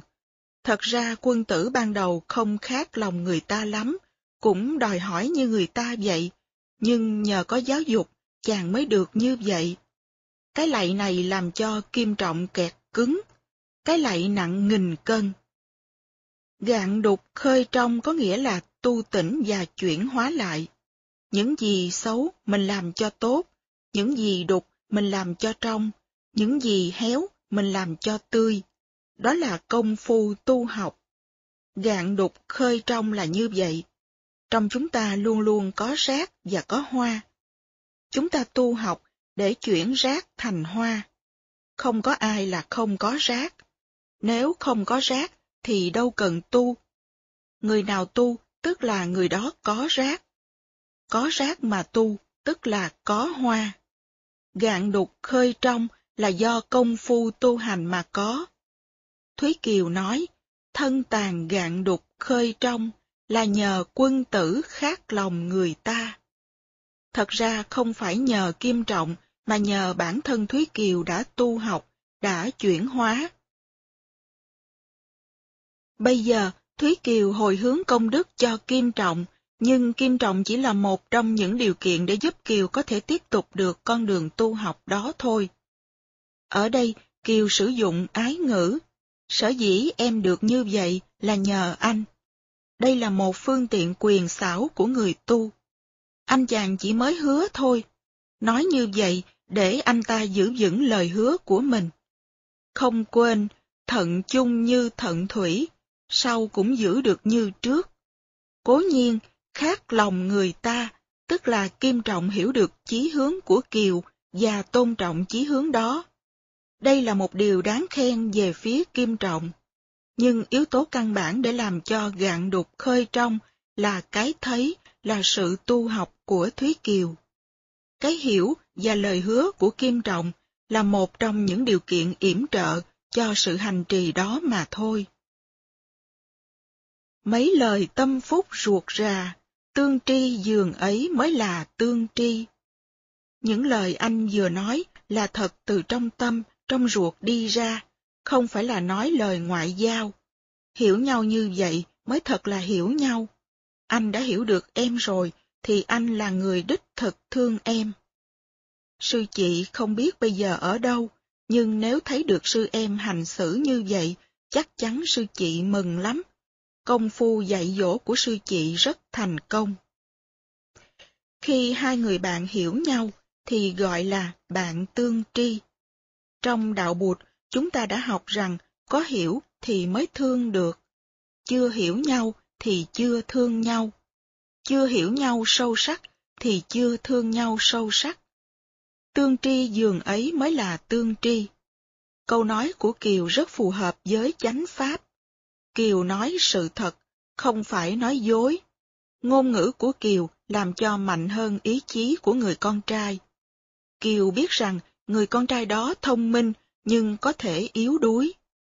Kim Trọng đã có nghe Kiều nói rằng làm lễ chẳng qua là để cho đẹp về hình thức thôi, chứ Kiều không muốn sống đời vợ chồng dung thường. Mọi người, trong đó có Kim Trọng nghĩ rằng những cô gái sắp về nhà chồng là ưa nói như vậy. Kỳ thực đến lúc đó mà mình tiến tới một bước thì các cô sẽ chấp thuận. Trong trường hợp này, sự tình đã không xảy ra như vậy. Vì đứng về phương diện tâm linh và kinh nghiệm sống mà xét, thì Thúy Kiều đã bước những bước dài và đi trước Kim Trọng rất xa. Do đó, Thúy Kiều đã đứng vào vị trí một người thầy của Kim Trọng về mặt tu học và tâm linh. Kim Trọng tìm ra sự thật rằng người con gái này không còn là người con gái mình yêu ngày xưa nữa. Người con gái ngày xưa cũng đã giữ giới. Anh đừng làm như vậy, làm vậy sẽ hỏng hết. Bây giờ, chuyện lặp lại lần thứ hai, Thúy Kiều lại gạt ra một lần nữa. Nhưng kỳ này không phải là Thúy Kiều giữ giới. Thúy Kiều không cần giữ giới nữa. Thúy Kiều đã có kinh nghiệm trực tiếp về sự sống, về giá trị của vật dục, dục lạc. Vì vậy, Kiều đã tới trình độ không cần giữ giới nữa, mà giới vẫn được giữ như thường. Thúy Kiều đã ớn chuyện đó tới xương tới tủy, cho nên không cần giữ giới, mà giới vẫn được giữ. Khác nhau ở chỗ đó. Ngày xưa, chàng sinh viên tiến tới, thì cô Kiều giữ giới. Bây giờ, cũng chàng sinh viên đó, già hơn và đã làm quan rồi, đứng về phương diện hình thức thì đã là chồng của Kiều rồi.